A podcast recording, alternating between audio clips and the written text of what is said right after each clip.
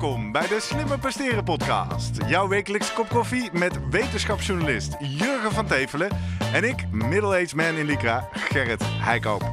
Over sport, onderzoek en innovatie. Voor mensen die hun grenzen willen verleggen, maar daarbij de grens tussen zinvol en onzin niet uit het oog willen verliezen. In deze aflevering praat ik met Jurgen, Gio Vroemen, net binnen, Anne Tauber en Marten van der Pol over slimmer presteren op de schaats. De Olympische 10 kilometer schaatsen op tv saaier dan kijken naar groeiend gras? Ik dacht het niet. Voor de Slimmer Presteren podcast is de Olympische 10 kilometer een uitgelezen kans om live te gaan. We kijken samen of Nederland nog een medaille in de wacht gaat slepen.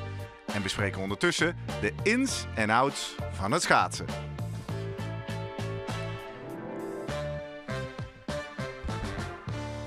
Ja, Jurgen, live getimed hè. We zijn live. Goedemorgen allemaal. Iedereen die eh, live op YouTube kijkt. Of als je dit zit terug te luisteren in je favoriete podcastspeler. Of uh, nou ja, waar je dat ook allemaal terug kan vinden. Terug te kijken op YouTube misschien. Welkom hier live vanuit onze piepkleine Slimmer Presteren podcast in Leersum. Uh, we zijn live op YouTube, we zijn live op onze website. En uh, leuk feitje achter de schermen. Zo'n anderhalve minuut geleden is Guido Vroemen oh, ja, binnengelopen. Goedemorgen Guido. Goedemorgen. Wat fijn dat je er bent. Ja, ik had een beetje wind tegen, dus ik moest iets harder doortrappen dan ik had voorspeld. Nou, kom rustig even bij. Ik heb hier een uh, lekker kopje koffie voor je oh, staan, lekker. dat mag je zo pakken. Ja. Um, maar je ja. was niet op de schaats dan, Guido, denk ik. Wat was het? Niet op de schaats, want nee. dan kun je gewoon rondjes heb je natuurlijk. Ja, nee, dat had ik niet. Uh, dat, okay. gaat, dat is niet voor mij weggelegd. Dit was de fiets. Oké. Okay. Heel goed. Hey, laten we even toch uh, iets van structuur proberen aan te brengen. Uh, eerst maar de disclaimer aan alle luisteraars die nu in hun podcast spelen denken... Ah, fijn, de Slimmer Presteren podcast is er weer. Ik kan weer een paar praktische tips en wetenschap gaan ophalen. Uh, sorry, deze aflevering wordt iets anders. Uh, we, gaan, uh, we, we, zijn live, dat ga je merken. Het wordt wellicht wat ongepolijster dan normaal. En we hebben ook veel meer tijd. We gingen eruit met een lange aflevering, einde van seizoen 4. En we trappen nu ook af voor misschien wel een uur of twee. Want we zitten live samen te kijken naar de Olympische 10 kilometer. Voor iedereen die nu live is, die zit misschien ook te kijken. Als je denkt, nou, ik wil gewoon in drie kwartier even wat praktische tips. Dan moet je even door nog één weekje wachten. Volgende week zijn we er weer. Gaan we het hebben over lopen of vermogen bijvoorbeeld. Dus uh, dat even gezegd hebbende. Inderdaad, ja, spannend. Ja, leuk hè? Ja, ja. ja, Maar dat is volgende week. Um, wat is er dan deze week? Nou, we zijn dus live op YouTube. Ik ga eens even spieken of er al mensen in de chat uh, laten weten dat ze ze zijn. Nee, die uh, zie ik nog even niet.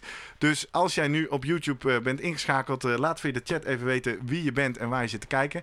Als je dan zegt, ja, lukt mij niet. Nee, dat klopt. Je moet even op abonneren op dat kanaal drukken en dan kun je meechatten. En we zijn hier niet alleen met z'n drieën in het studiootje, maar we zijn ook virtueel verbonden met Anne Tauber en Martin van der Pol. Goedemorgen beiden. Goedemorgen. Goedemorgen. Goedemorgen. Ja, hij doet het. Dit is altijd even de test, hè? Of we jullie ook horen, of jullie ons uh, horen. En uh, uh, of ik mijn muis nog even uit beeld kan zetten, vraagt Sander, onze producent. Die is er ook. Die kan je misschien af en toe ook in de uitzending horen. Anne, we hebben jou uh, bij ons gevraagd. Enerzijds omdat we je natuurlijk kennen als uh, uh, co-host van de Knabbel en Babbel podcast. wij Instagrammen wat op en neer met elkaar. Jij bent Nederlands kampioen mountainbiken. Dat is jouw sport. Dat is waarmee je ook naar de Olympische Spelen in Tokio was afgelopen zomer. Maar ja. in het winterseizoen sta je op de schaats. Ja.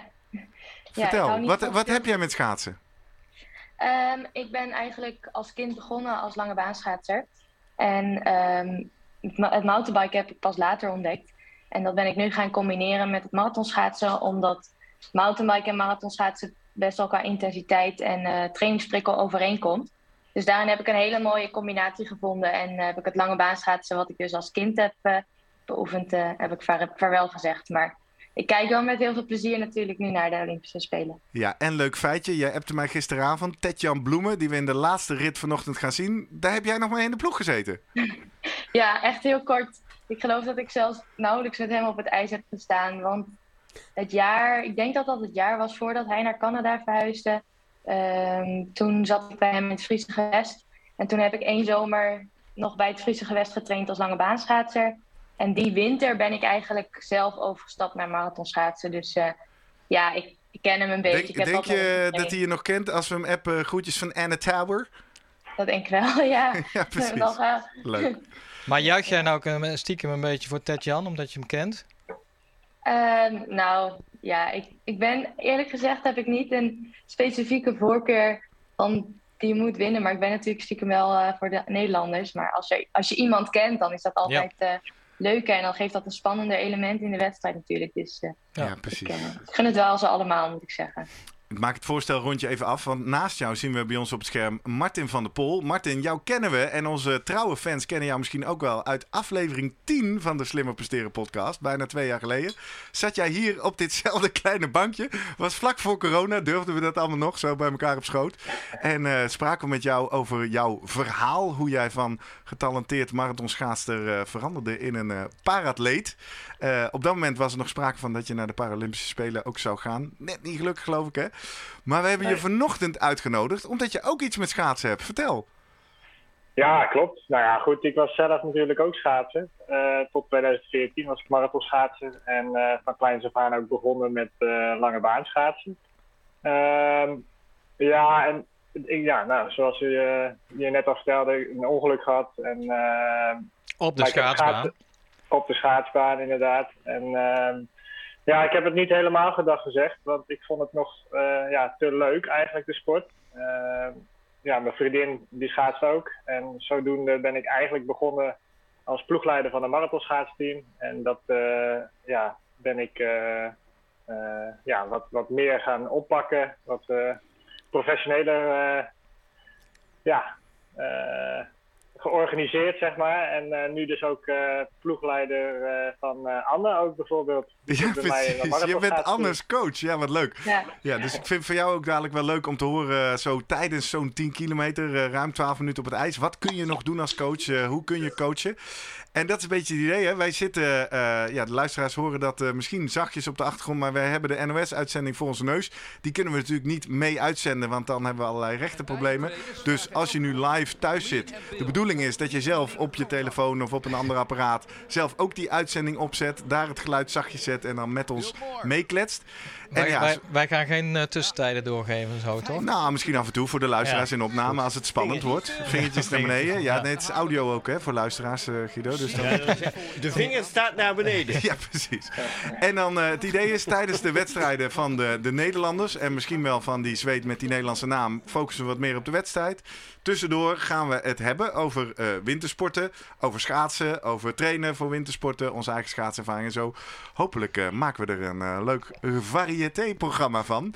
En ehm, Iedereen die de moeite heeft genomen om live in te schakelen, die kan meechatten. Ik ga even snel spieken of dat al gebeurt. Oh joh, er gebeurt volop. Dat is wat Sander zat te wijzen. Ik lees even door. Sjors van Kats doet mee, die ah, zit er klaar voor. Hey Sjors. Ivo Habits. Goedemorgen. Goedemorgen, ik ben er. Ivo gaan we vandaag later hier ook treffen, want die komt zijn uh, webshop pakket fysiek ophalen. Dat is, uh, dat is een, uh, een optie natuurlijk.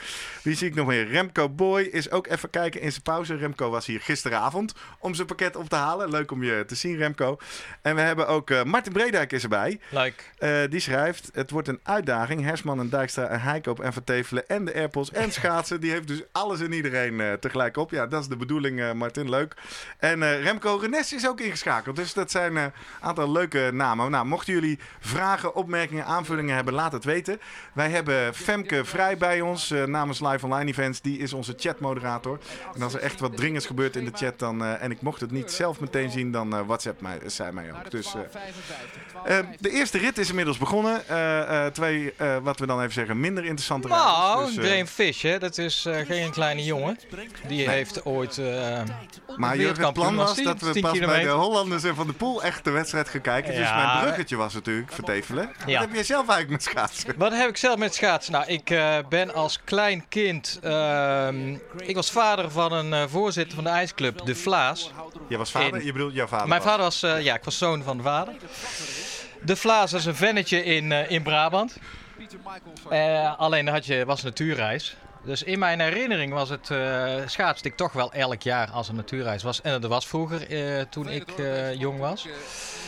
Um, ja, maar het is puur hobby. Klaar, leuk. En ik moet zeggen, dat waren allemaal ijshockey mensen. En ik moest dan Noren. Ik weet ook niet waarom. Dus ik ben wel opgegroeid met Noren en ook het schaatsen kijken. Ik denk dat de wereld voor me open ging toen ik ging studeren. Toen kwam ik erachter dat Brabant eigenlijk heel weinig water heeft. Dat zo'n vennetje niks voorstelt. Dus toen eh, heb ik Ankeveen ontdekt. En eh, nou ja, de, de tochten. eh, en eh, ooit in 97 heb ik ook die ene nog eh, gereden Ja, in dat het zag ik noorden onlangs op Ja. social media. Jurgen Vertevelen op Twitter. Ja, Eh, de NOS eh, stuurde, streamde natuurlijk de, de Elfstedentocht nog een keer ter Ja. gelegenheid van 25 jaar geleden. En toen bleek dat meneer Van Tevelen zelf ook een stempelkaartje vol had. in begin eh, januari toen, eh, 1997. Het, voor mij is het eigenlijk eh, voorbij het fietsen inderdaad. Kijk, als er ijs ligt, een natuurreis, dan ben ik erbij. Dan moet je erop. Ja, Heb je, heb net- je ijskoorts? Nee, want ik mis het zo helemaal niet. Kijk, de baan vind ik dus helemaal niks, want ik kan dat pootje over niet. Dus daar, ik ga daar enorm goed kijken naar Niels van der Poel, Hoe hoe hij dat doet. Ja. Want daar, eh, daar maakt hij het verschil, eh, begrijp ik uit sommige kranten in ieder geval. Daar gaan we nog wel over hebben. ja. Dus eh, nee, ik vind de, de, de baan vind ik niet. Nee, dat ligt mij gewoon niet. Maar als er eenmaal gaat vriezen, ik bedoel dan, of ja, dan krijg je die ijspluim door. Dat ken je misschien wel, zo'n app. En dan zie je de ijs aangroeien de komende dagen. En dan komt er al in, in, een bepaalde appgroepje eh, plannen van, nou, eh, waar gaan we binnenkort naartoe? Binnenkort Ankerveen, zus of zo. Maar ik moet zeggen, de laatste jaren is dat toch wel, eh, ja, gebeurt niet meer zo vaak. Hè? Vorig jaar was een kleine periode. ja, dat was Ja. nationale happiness toch? Toen we even uit de coronaprikkelen konden en het ijs op. En ik ben toch wel, nou, ik kijk met name Olympische Spelen natuurlijk, of. Ja, maar dat zei jij, en schaatsen kijken. Dat Ja. is natuurlijk wat we nu ook aan het doen zijn. Ik moet bekennen, ik deed dat al jaren niet meer. Ik ben dat de afgelopen week heel fanatiek gaan doen om een beetje voor te bereiden op deze live-uitzending. Eh, wat vind jij leuk aan schaatsen kijken? Nou, ik vind toch wel, eh, het is gewoon unieke discipline ergens, omdat je, ja, met z'n tweeën rijdt, tegen elkaar, maar wel in een aparte baan. Dus als je gaat nadenken bij het, bij het wielrennen of zo, dan ben je ook wel eens met z'n tweeën weg en dan hou je elkaar uit de wind. In dit, in dit geval heb je dus te maken met een tegenstander. En de vraag is, wat doe je daarmee? Kun je daarvan profiteren? Ja, dat kan, door bij die kruising erachter Ja, er te net zitten. achter te zitten. Dat vind ik dus al heel interessant. Het hele, en dan met name naar die vijf, 500 meter. Ja, die sprint vind ik natuurlijk super. eh, dat gaat lekker snel voorbij. Maar ik vind die lange afstanden nog interessanter vanwege het hele pacegedrag. Ja, Daar hebben we dat is eh, waar we het hier Ja. vannacht ook veel over gaan hebben Hoe, waarschijnlijk. hoe gaan ze dit nou doen? Vlak of inderdaad die negative split? En eh, ja, plus, nou, schaatsen is eh, wel de ultieme sport waarbij als je vermoeid raakt, je het ook wel heel moeilijk krijgt vanwege die coördinatie, zeg maar. Ja. En dus. En da- eh, daar kijk jij naar. Dus jij kijkt naar, naar, naar die rondetijden, wat er gebeurt omhoog of omlaag. Ja. En eh, een beetje En fysiek, ze die, eh, die- of ze het nog ja, kunnen. En of ze nog een beetje gek pak aan hebben. En in dit geval, eh, vanwege deze week, ga ik ook eens kijken hoe het ijs er nu precies bij ligt. en, eh, Of hard of zacht ijs en hebben. hoe de, de ijsmeester, eh, ja, wat, eh, wat, wat voor mensen bij hem op bezoek komen eh, eh, deze ochtend. Maar, Ja. ja. Guido, een beetje bijgekomen van de fietstocht? Ja, ja, prima. Bakje koffie erbij. Hey, eh, we, we zitten in de laatste ronde van de eerste rit. En, En jij trouwens, wees zit- naar het scherm. Ja, wat ja, gebeurt ja, er? ze zitten nu, de- die jongens zijn mooi, je hebt een eigen baan. Nou, dat is Ja. nu dus niet meer, want we zitten nu in dezelfde baan. Die ene heeft hem ingehaald. Oh ja, dus ja, want, want toch even voor de leken. eh 10.000 meter schaatsen is hoeveel rondjes? 25, hè? 25 rondjes. En in dit geval eh, is... Ja, er moet er nog eentje na. Nu. Oh ja, de bel. We horen nu de bel eh, op de achtergrond. Dus die eh, twee, die, eh, de tijdsverschillen zijn zo groot dat die eh, elkaar eens gaan lappen. Dat is meteen mijn eerste vraag die ik gisteren had in de voorbereiding. Ik appte jullie het schema door. We hebben in totaal nu zes ritten. Dus zes koppeltjes, twaalf rijders. Drie voor de dwel, drie na de dwel. En ik vroeg me meteen af, hoe wordt die volgorde eigenlijk bepaald? En hoe worden die mensen aan elkaar gekoppeld? Want dit lijkt een beetje een mismatch. Ik denk dat de kenners eh, daar het antwoord op Nou, weten. gaan we dat lekker even aan Martin en eh, Anne vragen. Anne, zo'n eh 10 kilometer wedstrijd. Hoe wordt bepaald in welke volgorde je moet starten en tegen wie je moet? Nou, volgens mij, eh, ik weet het niet 100% zeker, maar het heeft in ieder geval te maken met de ranking van de World Cups. Eh, maar misschien kan Martin mij aanvullen, want er wordt ook deels op loting gedaan. Ja, Ja. Martin, hoe zit dat? Ja, ja, dat klopt. Eh, eigenlijk is het voornamelijk loting. Eh, maar ja, goed, ik weet niet of jullie eh, de, de, de, de, de geruchten hebben gehoord over de Zaanlanden documentaire. Nee, vertel. Nou ja, goed, Jillet Adema, die, die zei dat er redelijk veel in, in wordt gestuurd, zeg maar. Oké, dus we hebben nu een tweede rel hier uit de Slimme Presteren podcast. Jij zegt, we hebben dus niet alleen dat de ijsmeester wordt beïnvloed, maar ook Ja. de eh, wedstrijdleiding wordt beïnvloed. Hoe, hoe gaat dat dan? Ja, nogmaals, het is niet hier het nieuws, maar in die documentaire. Hoe, hoe wordt dat daar verteld? Ja, nou dat is dan eigenlijk voornamelijk op nationale wedstrijden, dus of wedstrijden in Tialf. Ehm, eh, ja, zegt Jillet Adema eigenlijk dat, eh, dat het heel toevallig is dat, dat elke keer dezelfde in dezelfde ritten rijden, zeg maar. En eh, ja, nou ja, goed, je zag het vorige keer ook, dat na de dwel is het ijs nog een beetje zacht. En eh, dat kan eigenlijk nadelig zijn en, en zo kan er ook gestuurd worden. Nou ja, goed, eh, we weten het niet zeker natuurlijk, maar de geruchten zijn dat, het, eh, dat daar ook een beetje ja, iets om te doen is, zeg maar, dat, dat er gekozen wordt in welke rit je zit. Hey, en Martin, is dit erger vals spelen dan doping? Om maar even een bekende schaatser te quoten. Nou ja, ja, ja, geen idee. Het, Eh, het is allemaal, als het zou zijn, dan is het altijd vals spelen. En dat is allemaal fout. ja. Nou, weet je wat ik wel interessant vind? Waarom zie je niet van tevoren? Dat zou ik mooi vinden. Als je gewoon in, in 10 minuten ervoor, nou ja, of een half uur ervoor, dag, een uurtje, gewoon met balletjes zo ziet, hè? ja, Dat je de eh, trekking ziet. Je ja, hebt de ja. loting gewoon live. En ja. oké, daar wordt ook gemanipuleerd, weten we inmiddels. Maar dat, dan weet je in ieder geval een beetje hoe het Kijk, toe gaat. kijk naar het baanwielrennen. Hè, als je, Hoe gaat moet- het daar? Dan moeten ze gewoon van tevoren de plek in de startbaan. Dan moet je op een. eh, nou, vroeger was het een balletje trekken en nu is het op een eh, iPad duwen. En dan staat je gewoon meteen bam. Dat Hoe is ziet transparanter, wil je zeggen. Ja, ja, ja, ja, ja, ja, dat ja. zien ze direct. heeft het in de Olympische Spelen heeft het wel ehm, wat te maken met de uitslagen in de World Cup. Want Nou, dat hoorde ik deze week ook Ja. toen ik aan het oefen kijken was. Dat eh, de volgende van de ritten uitmaakt wat je stand in de World Cup op dit moment Ja, is. dus de spannende ritten, zeg maar, met de Ja. meeste kanshebbers zijn vrijwel altijd eh, op het eind. Nu zie je Patrick Roes starten, dus eh, dat is natuurlijk ook een kanshebber. Ja, daarom. Ja. Dus dat is gek. Ondertussen zien wij inderdaad uit onze ooghoeken, ik neem maar onze luisteraars in opname mee, dat eh, de tweede rit is gestart. En daar zien we Patrick Roes tegen Malfati. Eh, nou, laten we die rit even voorbeschouwen. Wat is het verhaal van Roest hier op te spelen? Wat, wat kunnen we van hem verwachten? Hij heeft, al, heeft al zilver, hè? Dat, eh, Ja, precies. Maar ik heb en- even aan, aan, aan een beetje aan Guido en aan Anne gevraagd. Nou, help ons eens begrijpen. Wat is het verhaal van Patrick in deze wedstrijd? Ja, ik denk zelf dat hij ehm, echt wel... Hij is heel erg bezig geweest, geeft hij aan met pieken.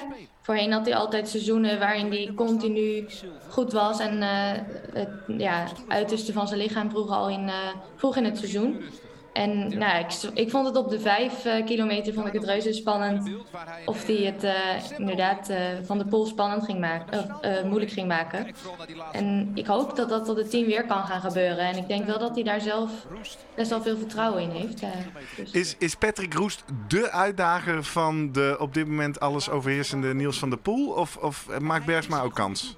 Ik denk dat Bergsma net zo goed kans maakt. Aha. Ik denk dat het allemaal heel dicht bij elkaar gaat zitten. Ah, spannend. Ja, ik denk persoonlijk zelfs dat Bergsma meer kanshebber is dan Roest. Maar eh, Waarom? Roest liep wel. Ja, Roest is toch eh, op de 1500 meter ook wat beter. En eh, ja, dat gaat toch ook een beetje knagen met je 10 kilometer. En, en Jorrit is echt wel meer een, een 5 en 10 kilometer specialist. Ja. En, eh, Energiesystemen, hè? Vertel. Precies. Ja. Nou ja, nou ja, Patrick Roest heeft meer anaeroop vermogen. Weet je, hij heeft een anaerobe motor die sterk is, omdat je die in die veer- 1500 meter heel goed kunt gebruiken en nodig hebt. En naarmate je naar de 5 gaat, en naar de 10 zeker, dan ga je naar je VO2 max systeem. En ehm, die twee kun je niet allebei eh, steeds maar weer beter en beter maken. Je- Als je kiest, dan, dan wil je de 1500 beter maken. Dan ga je meer je anaerobe motor sterker maken. Die wordt groter, maar dan ga je inleveren op je VO2 max systeem. Ja. Andersom, als je je VO2 max systeem gaat verbeteren, dan zul je in gaan leveren op je 1500 meter. Dus je anaerobe motor wordt daardoor wat minder sterk. En Bergsma heeft überhaupt geen anaerobe motor. Die, die heeft, maar die heeft wel een heel sterk VO2 max systeem. Want als je kijkt wat hij terugvalt, zeg maar, op zijn 5 kilometer tempo en zijn 10 kilometer tempo, dat is heel beperkt. Dat houdt hij gewoon vast. En Roest heeft daar iets Terugvalt meer... in tijd bedoel je. Hij kan super Nou, vlak rijden. In tijd en vermogen, eigenlijk kun je kijken. Hè, want de- in, die, in die periode zakt voor, eh, Roest iets meer, denk ik. dan eh, Bergsma. Oké. Hey, en eh, ik hoorde van de week ook inderdaad, dat, dat sluit aan bij wat jullie zeggen, dat die Bergsma, dat is echt een soort eh, diesel. Als er nu Elfstedentocht zou zijn, zou die die waarschijnlijk ook winnen. Dat is echt een, een lange, lange, lange afstand man. Heeft die kans. Winnen. Ja, nou, Hij, hij werd toch eh, marathonkampioen ook dit Ja. jaar? Ja. ja, nou laten ja, we maar daar... de eh, baan eh, marathonrijden is natuurlijk wel weer anders dan op natuurijs. Ja. Ehm, maar Bergsma zou dat zeker ook kunnen. Maar dan eh, zijn er in zo'n marathonpeloton toch een hoop meer favorieten. Want hoe lang was die wedstrijd? Is die eh, zo'n NK-marathon op de baan? 50 minuten voor mannen. 50 precies. En minuten. ik denk Ja. dat Jurgen dan vraagt, hoe ver ga je dan Ja. ongeveer? Welk tempo? Ja, 125 ronden rijden de mannen. Ja, ja. 150. Oké, dus dat is dan Ja, op 50 NK is volgens mij 150. Ah, oké. Ja. Ja. 150, dus dat is 6 keer zo. 60, ja. Ja. Ja, 60 kilometer Ja. dan, hè, als eh, Ja. 25 rondjes 10 kilometer is. Ondertussen is er een eerste live vraag binnen van eh, Remco Renes. Maar eh, Remco, die hou ik even vast voor een wat saaiere rit. Want eh, we zijn inmiddels, eh, nou nog niet zo heel ver, 17 rondes nog te gaan. Maar ik vind het toch wel leuk om even nu op Roest in te zoomen, omdat we naar zitten te kijken. Meteen de vraag, want die Roest die was inderdaad vroeger gewoon echt een goede 1500 meter rijden. Maar dit jaar heeft hij niet eens meegedaan, toch? Ja, mocht gewoon- net niet. Nee. Ja, Net niet. Is hij heeft die, die bewuste keuze gemaakt Nee, nee, voor die... die eh, Hij heeft het wel geprobeerd, hè? ja, weet ik. Via die... eh, Maar hij heeft het net niet eigenlijk, gehaald. eh, Hij vond het naar mijn idee, eh, verdiende die hem ook. Ja. 1500 Ja. meter. Maar is het niet een soort bescherming misschien geweest van hogerhand? Te zeggen, nou ja, wat Guido zegt. Van ja, je kan gewoon niet eenmaal... Je kan niet allebei. Ja, Ik weet niet of je Nee. dat als bescherming moet zien. Ik denk, eh, dat zullen, daar zullen ze Nee. zeker niet over nadenken. Dat je denkt, ah jongen, Patrick, we moeten jou een beetje in bescherming nemen, dus we laten jou die 1500 niet rijden. Dan denkt hij ook, ja fuck it, dat beslis ik zelf wel. ja, maar tegenover Kjeld Nuis had hij natuurlijk toch... Ik heb het idee dat die 1500 meter Ja, wel dat- steeds dat is wel eh, voor de sprinters is, de meer de sprinttypes Ja, ja, is geworden. Is een lange ja. sprint is geworden in de loop der jaren. Klopt, en daar redt hij het gewoon niet Nee. tegen dan. Nee. Ondertussen ga ik even naar de tijden kijken. Ik zie bij mij op het scherm allemaal rode blokjes. Zien jullie dat ook? Oftewel, hij zit 2, 3 seconden boven de eerste rit. Moeten we ons daar zorgen over maken? Ja, nog wel. Ja, zeker. harder. Nou, Maar- ik, ik las nu eh, even in de Volkskrant eh, een bespiegeling dat... Kijk, die Niels van de Ploeg die gaat voor Van de even... pool, hè? Niels van de Poel? Ja, eh, voor het even pacen. Die gaat gewoon één tempo rijden.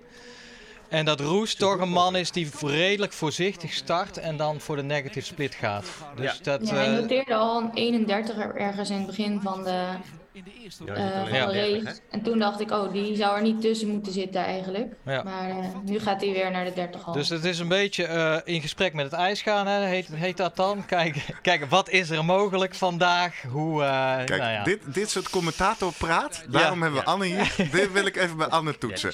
In gesprek gaan met het ijs. Anne, eh, eh, zo'n 10 kilometer. Is dat inderdaad hoe het gaat? Ga je eerst eens een paar rondjes kijken hoe zit ik erbij vandaag? Of is het gewoon meteen aan? Nou, je moet wel meteen je timing eh, vinden. En als het goed is, ben je al even in gesprek gegaan met het ijs tijdens je warming-up. Ja, Eh, nou ben ik niet zo van het in gesprek gaan met het ijs, want ik ben marathonschaatser.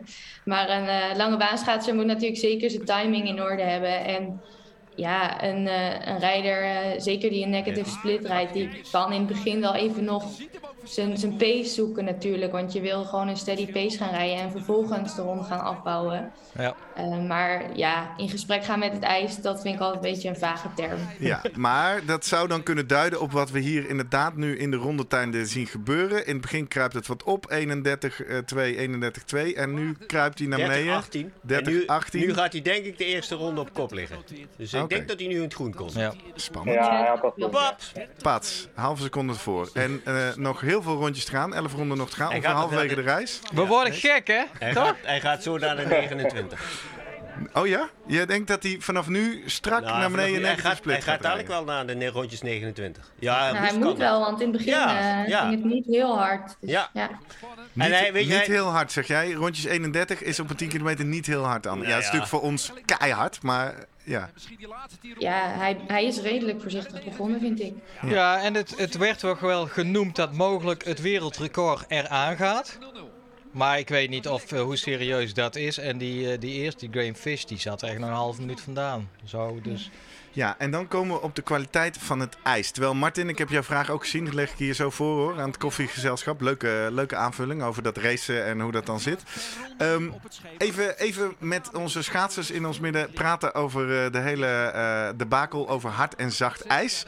Afgelopen 48 uur uh, was er een beetje een relletje. Hè? Niels van der Poel beschuldigt de KNSB van lobbyisme en beïnvloeding van de ijsmeester. Omdat Nederlanders harder ijs zouden willen.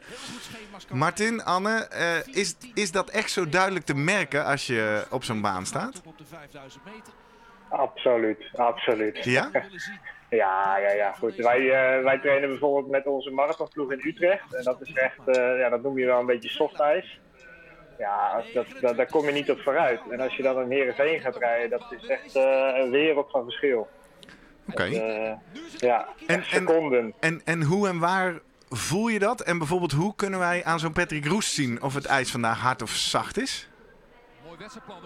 Uh, of is het niet zo ja, duidelijk? Snelheid is natuurlijk lager, hè? Weet je, dat ja. ja. Maar dat zit hem in de glijweerstand, glijweerstand denk ik, hè? Ja, precies, precies. Ja, dus alsof je met je racefiets uh, door, uh, ik noem maar wat, door het, door het gras gaat rijden of op de weg rijdt. Ja, of je banden hard pompt of zacht pompt. Ja, bij wijze van spreken. ja. Weet je, als je met, uh, met je racefiets inderdaad met 8 bar rijdt of met 2 bar. Ja. ja. Ja. Een van de dingen, ik heb ondertussen uitgevonden hoe ik de livechat uh, in beeld kan houden zonder dat ik Anne en uh, Martin van het scherm schuif. Um, dit is waarom ik dit wilde doen, samen sport kijken. Martin zegt, Martin Bredijk is ja. dat, zo'n vier minuten geleden. Patrick Roest gaat het zeker niet redden. Veel te langzaam dit. Martin, kom er maar in. Ja, precies. En nog een drie minuten later roept Ivo Habets. Ja, daar is hij, de 29er. dit is uh, hoe wij uh, met de beste stuurlui uh, op de kant. Eens even kijken, waar, waar zitten we Guido? Wat was de laatste rondetijd? Daar, daar komt hij weer door. Hij gaat nu over start finish, gaan we even live ja, ja, ja. doen. Maar hij zit nu al vier... Even kijken, was het 5? Nee, 29, 8. 6 ah, seconden al uh, ervoor. 29, 8. Die, al die 29. Tik, tik, tik. Hij zit er nu al 6,5 seconden. Maar laten we wel wezen, die groene cijfers zijn ten opzichte ja, ja, van de eerste rit. Dat is natuurlijk niet de topfavoriet. Ja, ja, net was het allemaal groot. Ja, dat is waar. maar ik, dat, ik ben dus benieuwd naar de kennis. Uh, nou ja, Anne die heeft echt de lange baan geschaatst. Ik weet niet, er was natuurlijk uh, vrouwen. Dus nog ja, een 10 kilometer zul je nooit echt officieel voor een wedstrijd geschaatst hebben. Nee. Vijf kilometer wel, hè? Ja, maar ik was nog best wel jong. Um, lange afstanden waren wel mijn ding. Ja. Maar als je jong bent in het lange baan schaatsen, dan uh, ging je gewoon met de 500 meter en een 1000 meter. Ja, ja. Um, dan dus die heb ik meer gereden. Ja. Maar de 5 heb ik ook zeker gereden. Ja. Maar hoe kijken jullie, want uh, puur als uh, uit wetenschappelijk oogpunt, en we hebben het daar een paar podcasts over gehad, over pacen, het, het verdelen van de energie over zo'n hele race. Kijk, daar gaat hij. En dan ben ik altijd voorstander van ja, zo gelijkmatig mogelijk. Uh, ja, dat, lijkt, dat, dat denk ik dat dat niet voor iedereen geldt. Nee. Ik denk dat dat voor Bergsma meer geldt dan voor Patrick ja, Roes. Want dat heeft weer te maken met je anaerobe capaciteit. Ja. Als je namelijk blijft pacen op je nou ja, laten we zeggen, je drempel wat je goed kunt volhouden. Dan zit er altijd nog een stukje boven in het rood, dat is je anaerobe capaciteit, wat je over hebt. En hoe groter die is wat je over hebt, hoe meer je aan het eind nog kunt verbruiken. Ja. Nou, en volgens mij is met schaatsen het, het, grote probleem die bochten. Elke bocht ja, ja, ja. Haal, moet je een hapje uit de anaerobe tank halen, omdat het gewoon, uh, nou ja, uh, ja, te veel kracht op dat, uh, dat vooral dat, dat linkerbeen komt. Ja, maar dit is wel interessant wat je zegt. Dus jij zegt zo'n rondje schaatsen is eigenlijk een combinatie van aerobe, volhouden, uh, VO2 max op die rechte stukken. Maar iedere bocht, zeg jij, is een stukje anaerobe. Zo is mijn, ja, zo kijk ik ernaar. Maar eh, Anne en Martin... Uh, Herkennen jullie dat? Want die bochten zijn een hel, toch? Laatste ronde. Ja, ik vind de bochten ook al zwaar. Maar uh, ik vind dat in het schaatsen altijd een groot stuk anaeroop zit. Ja, Omdat ja, je moet in die hoeken zitten om te kunnen afzetten. Dus je zult altijd uh, ja, die kracht op je benen krijgen. Of je nou in de bocht zit of uh, ja. op de... Per definitie ben je in de live chat. we zitten in de laatste ronde. Ivo Habers krabbelt toch ook terug te zegt... dit kan hij nooit winnen met deze tijd. En dan moeten we Martin Bredijk achteraf gelijk gaan geven. Hij zegt, uh, dit is erg langzaam. Hij finisht nu in 12.44.60. Toch maar even ter referentie. Het wereldrecord staat op 12.32. Uh, 95. Maar dat is dus goede 12 seconden daarboven. Maar dat, weet je, dat is vergelijken met eh, eh, andere omstandigheden. Exact, exact. Dus we hebben Ja. vier ritten gehad. Ik kan nou niet zeggen, dat gaat hij nooit redden. Want eh, misschien zijn de omstandigheden, hè, glijweerstand, temperatuur, lucht, eh, eh, de, eh, luchtdruk in de, binnen, zijn die wel heel anders en veel minder gu- gunstig. Waardoor hij dus gewoon die tijd gewoon Ja. niet gaat redden. Maar dat vind ik dus ook jammer dat ze dat gewoon niet laten zien. Ja, dat is wel inderdaad. Wat- wat wil je Ja, zien? Ik wil zien temperatuur, temperatuur van het ijs, Ja. eh, luchtdruk. Ja. ja, ja, je wil, je wil eigenlijk even ja. bellen met Sander van Ginkel, eh, begrijp ik. Nou, ik heb zijn eh, nummer namelijk, dus eh dat kan ik zo doen. Even de inside grap uitleggen voor de mensen die wat minder ingevoerd zijn. Sander van Ginkel is de man om wie de rel deze week ging. Hij is embedded scientist, scientist, bij ja. de eh, Koninklijke Nederlandse Schaatsbond. Daarom vond ik het ook zo leuk voor de podcast. Want daar hebben wij het natuurlijk over. wetenschap. Wetenschap in de Ja. topsport. En toen heb jij meteen, uh, ja, ik ken hem wel. Want ik heb hem voor Sportlab Sedok geïnterviewd. Ja, Ja, grappig. toen Nou, had hij het niet daarover, wel over allerlei andere eh, innovatieve dingen die ze doen in Tialf. Nee, ja goed. Ik, maar dat, ja, dat, ik- zo, zoals ik naar sport kijk en Guido al helemaal volgens mij, die wil gewoon een formule invullen. Eigenlijk met, met Ik kan het luchtdruk hier ook voor. en eh, Ja, jij appte gisteren, begon je Ja, over ja. vermogens te appen naar aanleiding van de rit van Schouten. Hij rijdt. Ik denk, nou ja, als je 12.30 rijdt, dat is wereldrecord, hè? Ja. Dat is zeg maar rondjes 30 alles. Gewoon strak. En dan heb je 48 per uur. Dan ehm, zou je, en daar, daar heb ik wel wat aannames over.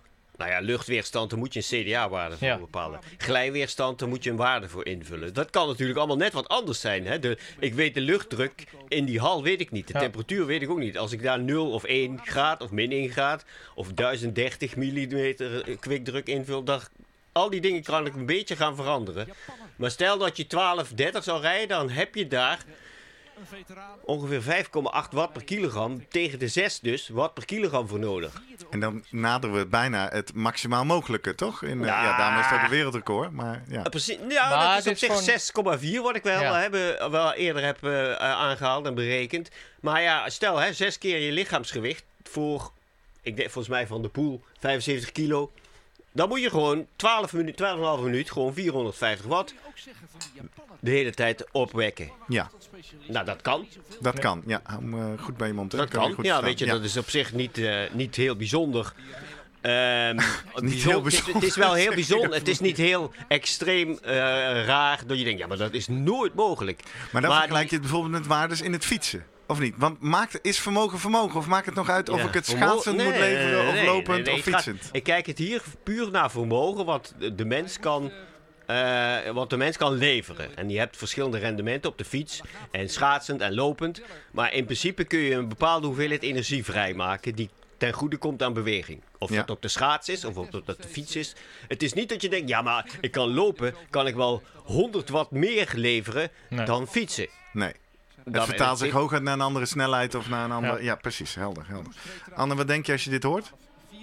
Ja, ik vind het wel interessant. Ik heb daar nooit op die manier over nagedacht. Ehm, er komt natuurlijk een stukje techniek bij en daar ben je dan mee bezig. En ik, eh, ik heb geen wattagemeter in mijn schaats, dus eh, Nee. echt geen. Nee, want dat je- appte ik meteen terug. Ja. Eh, Guido begon gisteren over vermogens. Ik zeg, oh, hebben we opeens ook vermogensmeter op de schaats, Jurgen? Ja, het zou echt eh, heel mooi zijn als dat kan. Ja, maar dat kan dus niet. Of men is er al twintig jaar Ja. ooit mee bezig. Vanuit de VU is dat ooit begonnen, het onderzoek. Ze hebben de meetschaats. Elke keer weer eh, Ja. een nieuwe versie, een prototype. En dat werkt eigenlijk denk ik ook met die IMU's die, die je ook voor het lopen gebruikt. Dus het, het lastige, eh, maar eh, dat Guido kan mij corrigeren als ik dat... eh, kijk, fietsen is, is de manier Ja. om mechanisch vermogen te meten. Omdat dat gewoon...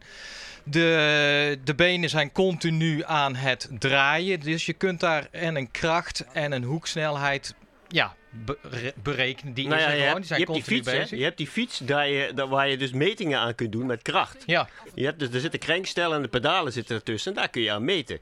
Schaats is gewoon een los...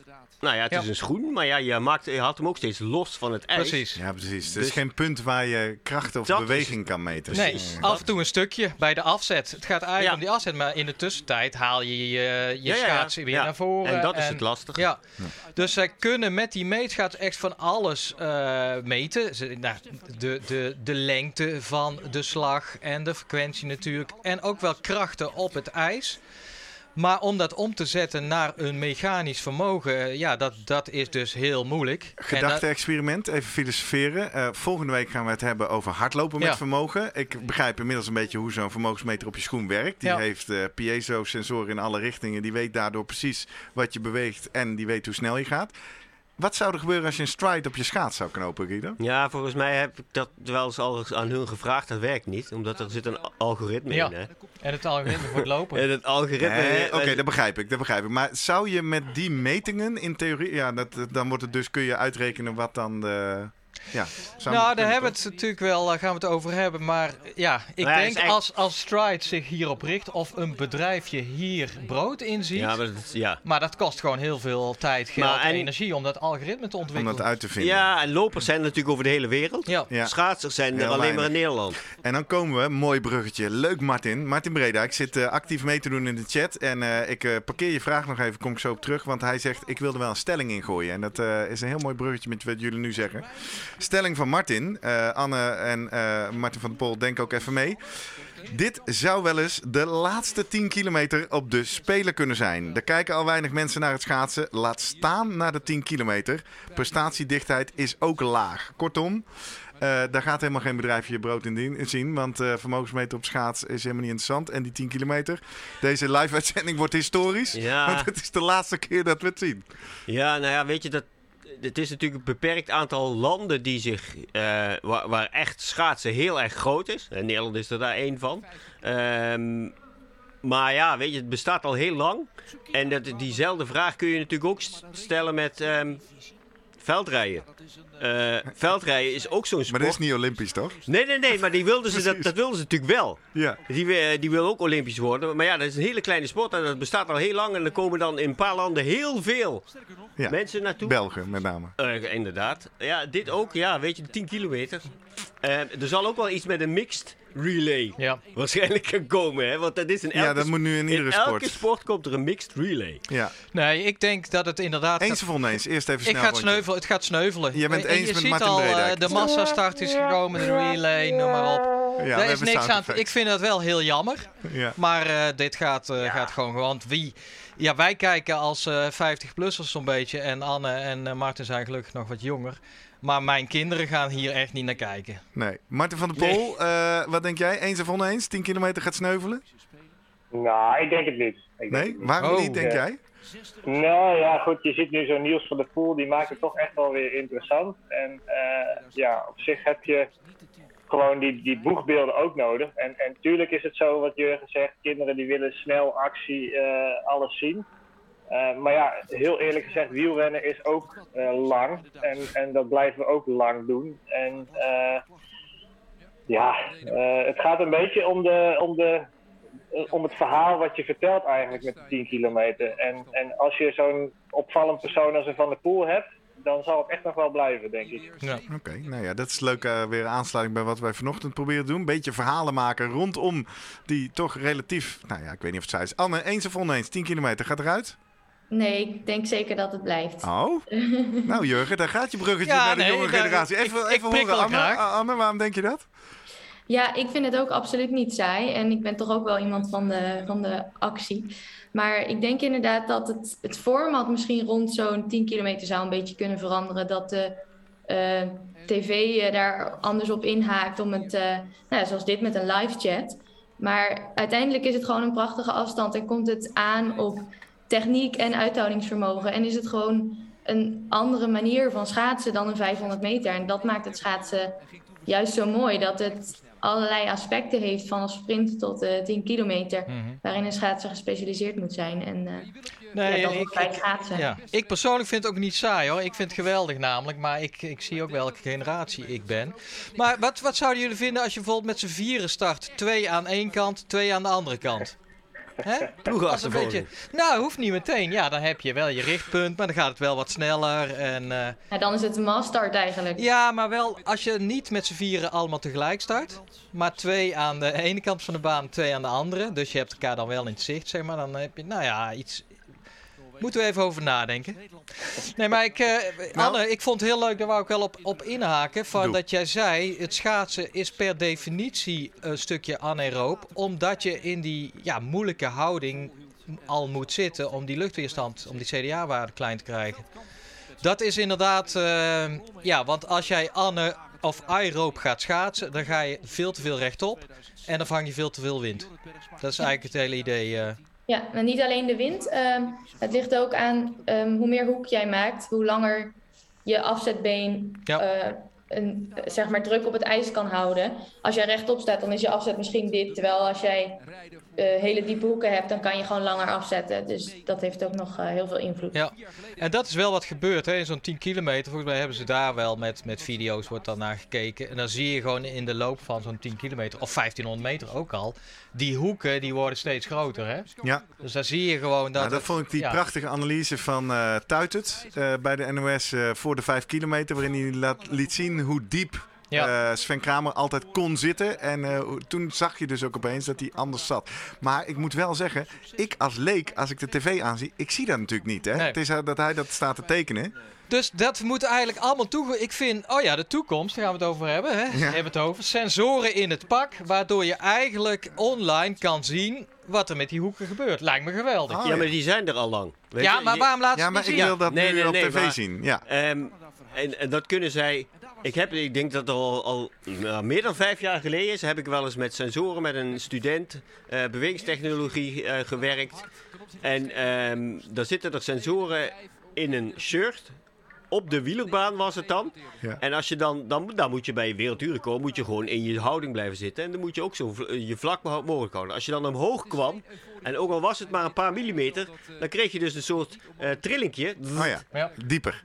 En dan denk je, ach kak, ik zit weer te hoog. Ik moet wel dieper, dieper. Ja. ja.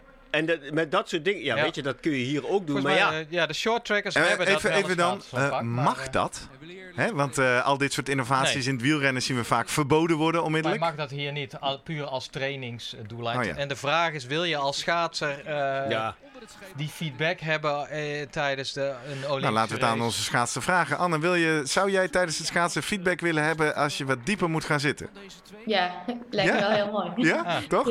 Of, schaatscoach Martin, is dat, zijn dat nou de dingen, ik zei in het begin, ik wil van jou ook horen, wat coach je nou onderweg, is dat waar je heel erg op coacht? Dieper! Is dat dan wat je roept? uh, nou ja, zeker. Want uh, gewoon hoe efficiënter je slag is, uh, hoe harder je rijdt. En dat zie je dus eigenlijk ook Sorry? Ja, Guido nee, nee, reageert nee, sorry, even. We, we, we, zien in het beeld de coaches oh, aan de kant. Uh, laten we even ja. dat rondje. Ha, wacht, hou die gedachte vast, Martin. Kom bij je terug. We gaan ja. het over coachen hebben. Ik wil heel even snel wat live chat voorlezen, want het wordt wel echt gezellig hier. Reactie van Martin Bredijk op jou, uh, Martin. Die zegt nog even: ja, wielrennen is wel lang, maar er gebeurt veel meer onderweg. En het is veel duidelijker voor niet-schaatsers. Uh, wie het eerst over de streep komt, die wint. En hier moeten we nu natuurlijk gaan zitten afwachten of Patrick Roest wel of niet het goed genoeg gedaan heeft. Dan zegt Koen van de Kouwen, vriend van de show, leuk Koen dat je er bent. Zeilen, dat is pas echt onduidelijk voor kijkers. Maar dat weet toch ook niet. Maar dat vond ik een mooi bruggetje wat jij zei over die pakken, Jurgen. Want bij zeilen zie je tegenwoordig enorm veel graphics en kaartjes... Ja. om het toch nog een beetje te begrijpelijk te maken. Waar is de wedstrijd? En dan zegt Henk Kraats, die vult nog aan, ja, en curling. Dat is ook geen reet aan om naar te kijken. Nou, maar, daar ben ik niet met hem mee. Nee, maar, maar terug naar Martin. Martin, laten we even inzoomen op dat coachen. Want we zien inderdaad regelmatig hier shots. Er staan mensen met bordjes. Er staan mensen te wapperen met handjes. Uh, nou ja, de houding. Waar, waar coach jij op als je langs de kant van de baan staat? Ja, kijk, ik ben natuurlijk een iets andere coach. Ik ben een marathoncoach, dus ik ben voornamelijk met het spelletje bezig. Ja. Um, maar nee, wat bedoel je daarmee, het spelletje? Ja, je rijdt dus met een heel peloton en het gaat dus gewoon meer om tactiek dan uh, om hoe je schaat. Okay. Kijk, als een, als een van mijn rijders wegrijdt, Anne bijvoorbeeld of zo, dan coach ik wel heel vaak uh, op, op dat ze in de hoofd bezig is met nou, bochten aanvallen, dus daar je tempo verhogen en dan rechte stukken uh, ja, je ontspanning zoeken. Ja. Om, om zo in je ritme te komen. Wat dus dat is een technische gaat, tip, wat jij dan roept. Bocht aanvallen! Uh, nou, niet echt per se technisch. Nee. Uh, een pace-tip, denk ik. Om het... Ja, ja, ja. ja. Oké, okay, en uh, dus dat is iets wat je doet. Uh, het tactisch coachen, dan denk ik ook meteen, ja, maar als jij dat gaat staan roepen en dan staan daar, hoeveel, hoeveel ploegen zitten er in zo'n wedstrijd? Uh, ja, hoeveel zijn het er, Anne? Een stuk of tien of zo? Ja, dus er staan er tien, uh, tien van die gasten en dames zoals jij. Uh, Met hoeveel schaatsen per team die ongeveer meedoen? Ja, wij hebben in de topdivisie hebben vier dames. En bij, bij de blokdivisie ook vier dames. Ja. Dus, Ja, maar mijn punt is even vanuit het perspectief van de coach. Als jij daar tactiek staat te roepen, dan hoort toch iedereen dat? Of hebben jullie codetaal? Ja. Ja, dat zou je zeggen van wel, maar ja, toch heeft niet iedereen het die, door. dat is wel mooi. Leuk verhaal misschien hoe Anema coacht. Ja, gaaf. Want eh, Martin heeft ehm, gebaren. En Ah. ja, iedere schaatser kijkt toch naar zijn eigen coach. Dus het is nou niet zo dat mijn concurrent naar Martin gaat zitten kijken wat mijn coach zegt. Want dat zijn gebaren. En ja, als je daarmee bezig gaat, dan ben je echt uit je focus, denk ik. Oké, maar dit wist ik Maar- bijvoorbeeld al niet. Dus je coach met gebaren. In Ja. ieder geval op tactiek. Allerlei gebaren. Ja. Maar wat interessant is om te zeggen, is bijvoorbeeld een Anema. Die eh, doet heel duidelijk eh, op zijn vingers fluiten. Ja, dat hoort het hele peloton. En je weet eigenlijk al, op je vingers fluiten is, is gaan. Of, Ja. of, of rijden. Ja. Dus dan weet iedereen toch wel dat eh, de rijders van de Anema de gassen hendel gaan opentrekken. En dan? En daar wordt wel op gereageerd in het peloton. Dus niet Dus zo handig. zeg je nou eigenlijk dat is niet de beste coach aanpak? Ja, het is typisch Anema. Ja. Maar, eh, dit is de Anema- die ja. nu ook hier dadelijk in beeld verschijnt als de coach van eh Bergsma. Heeft hij ook een damesteam dan eh, bij het marathonschaatsen of alleen? Ja, daar zit Irene zit Oh, ook ja. bij. Dus ja, je- een- Jij schaats wel eens tegen Irene Schouten. ja, En? in de marathon. Ja. En ooit verslagen? nee, want die is ook ontzettend goed daarin, hè? Ja, dat is... eh, Ja. ja. Maar zij is een hele goede. Zij kan het echt heel goed afmaken. Dus als het in een eindsprint eindigt, dan eh, Ja. ja. is, het, is het altijd Irene. Zelfs als ze klem zit in een eindsprint, dan weet ze er gewoon nog tussenuit te peren. En dan sta je echt versteld hoe hard ze gaat. Maar wat is jouw, ehm, eh, want jouw kracht dan? Ja, zoveel mogelijk aanvallen en eh, een rondje proberen te pakken met een groepje. Ja. Eh, het- wat ik het mooie vind van Irene is dat ze, ze is een sprinter. Ze weet dat ze in een eindsprint de, de wedstrijd gaat winnen. Maar ze schuwt de aanval niet. En ze rijdt ook voor dat rondje. En ze wil ook koers maken. En ja, ook dan is ze natuurlijk eh, de sterkste. Ja. Maar Dus je dat noemt is dat... mooi. eh, Zij rijdt ook ja. mee. Ze denkt niet, ik ga gewoon wachten op de eindsprint die ik toch wel win. Ja. Dus jij noemt dat koers maken. Dat geeft al aan, het is toch een soort wielrennen eigenlijk ergens. Ja. Ja. Martin, wat, eh, jij hebt van tevoren een tactisch plan met de meiden hè, voor zo'n marathon. En Ja. eh, ik weet niet, je, je zult niet vier Anne Taubers hebben, maar een, een wisseling van eh, een aanvaller, misschien een sprinter, misschien eentje, een, een steer, dat weet ik niet. Eh, hoe, hoe- ja, hoe benader jij bijvoorbeeld zo'n NK marathon? Wat is dan eh, de tactiek? Of eh, wil, je dat, eh, wil je dat voor je houden? Nee hoor, dat wil ik best wel vertellen. Kijk, afgelopen NK Marathon deed Irene dus ook mee. Maar daarnaast ook Elisa Dul, Marijke Groenewoud en Maaike Verwij. Mhm. en, en dat zijn eigenlijk gelijk ook de drie, ja, meer of meer de beste van de rest, zeg maar. Dus dat, die, die Zaanlander-ploeg van Judith Anema, die, die steekt echt met kop en schouders bovenuit. Om- Ja, puur omdat zij gewoon professionele sporters zijn en de rest van de dames in ieder geval niet. Ehm, ja, Anne is dan een ander verhaal. Maar goed, zij is natuurlijk eh, professioneel sporter in het mountainbike Ja. en doet het schaatsen erbij. Ehm, En Ja, dus, wat betekent dat voor de tactiek? Gewoon zo dicht mogelijk bij die pro's blijven. nou ja, kijk, heel, de andere ploegen gingen allemaal tegen Zaanlanden rijden. Ja, en wij hadden zoiets van, ja, we kunnen beter eerst meezitten eh met Zaanlanden dan, dan dat we tegen ze gaan rijden. Want ja, ze zijn gewoon heel sterk. Dus je kunt maar beter eerst zorgen dat je met ze weg bent. Want er zullen er nooit alle vier bij zitten als je dat doet. Eh, en, en dan proberen nog een truc uit te halen. Ja. En, en ja, dat liep eigenlijk best wel goed. Alleen ja, goed, de, de klasse van Irene, die is, die is echt niet normaal. Dat is zo goed. Eh, eh, ja, daar, daar is dan weinig aan te doen. Maar we hebben wel strijd geleverd. En, en dat ziet Jillet ook. En, en dat ziet Irene ook. En dat, dat benoemen ze dan ook wel na, na de wedstrijd. Dus dat is echt leuk. Maar ga je van tevoren met Jillet even een kopje koffie drinken? Coaches onder elkaar. Nee, nee, nee. Jillet, eh, ja, ik, ik spreek hem wel eigenlijk elke wedstrijd. En hij is ook best wel fan van hoe wij als, als team rijden. Dus dat is wel heel leuk. Ja. Eh, maar ja, we hadden bijvoorbeeld de Pragitol Trophy afgelopen, of dit jaar. Eh, dat is een vierdaagse wedstrijd. Dus eigenlijk vier losse wedstrijden achter elkaar die samen in het klassement zijn. En, en toen reden we dus tegen Jillet. En toen belanden we zelf net naast het podium met de vierde plek. En toen, toen, ja, toen zei hij van, ja, je kunt ook beter met ons rijden dan tegen ons. Dus hij, eh, hij ziet het wel, wat jullie doen. ja. Ondertussen Ja. vraag ik Sander even of de tv bij ons even eh, op de koptelefoon uit mag. Want nu gaan we naar de reclame en de dwel. Hè. We zitten in de dwel. Dat eh geklets hoeven we niet door. Ehm, ik wil even een vraag aan jullie voorleggen van Remco Renes. Ik zei het al eerder. Eh, die heeft hier wel een beetje mee te maken met tactiek. Even kijken, waar is hij? Ehm, ja.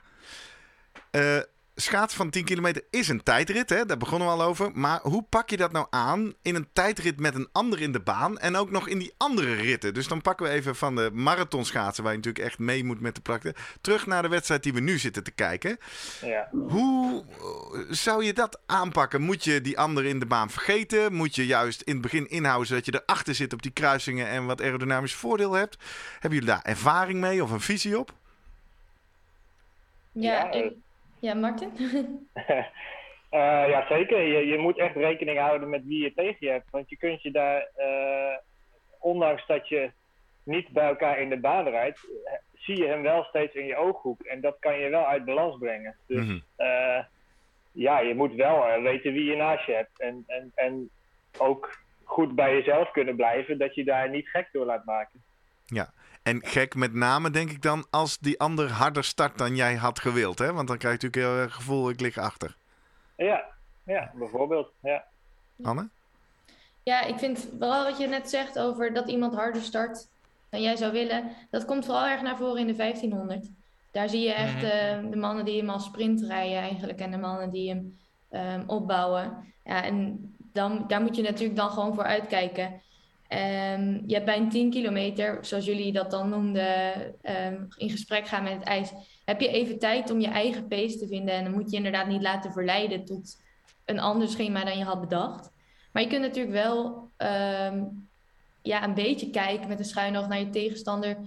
Als die harder stapt, misschien kan je wel een keer mooi gebruik maken van een, eh, een kruising. En dat kan op een 10 kilometer kan dat heel veel uitmaken. Dat je een paar eh, rechte stukken gewoon mooi in de windschaduw zit. Ja, precies. En wat ik dan zou willen weten, in hoeverre, en dat is een halve vraag aan de coach-trainer, half eh, aan de atleet. In hoeverre moet je nou eigenlijk zeggen, nee, we maken van tevoren een plan, ons, mijn eigen tijdritplan, en dan ga ik zo goed mogelijk uitvoeren. Of moet je toch in de wedstrijd een beetje opportunisme hebben en zeggen, nou, ik ga even een rondje wat harder om lekker er vlak achter te blijven. Wat, wat is jullie visie?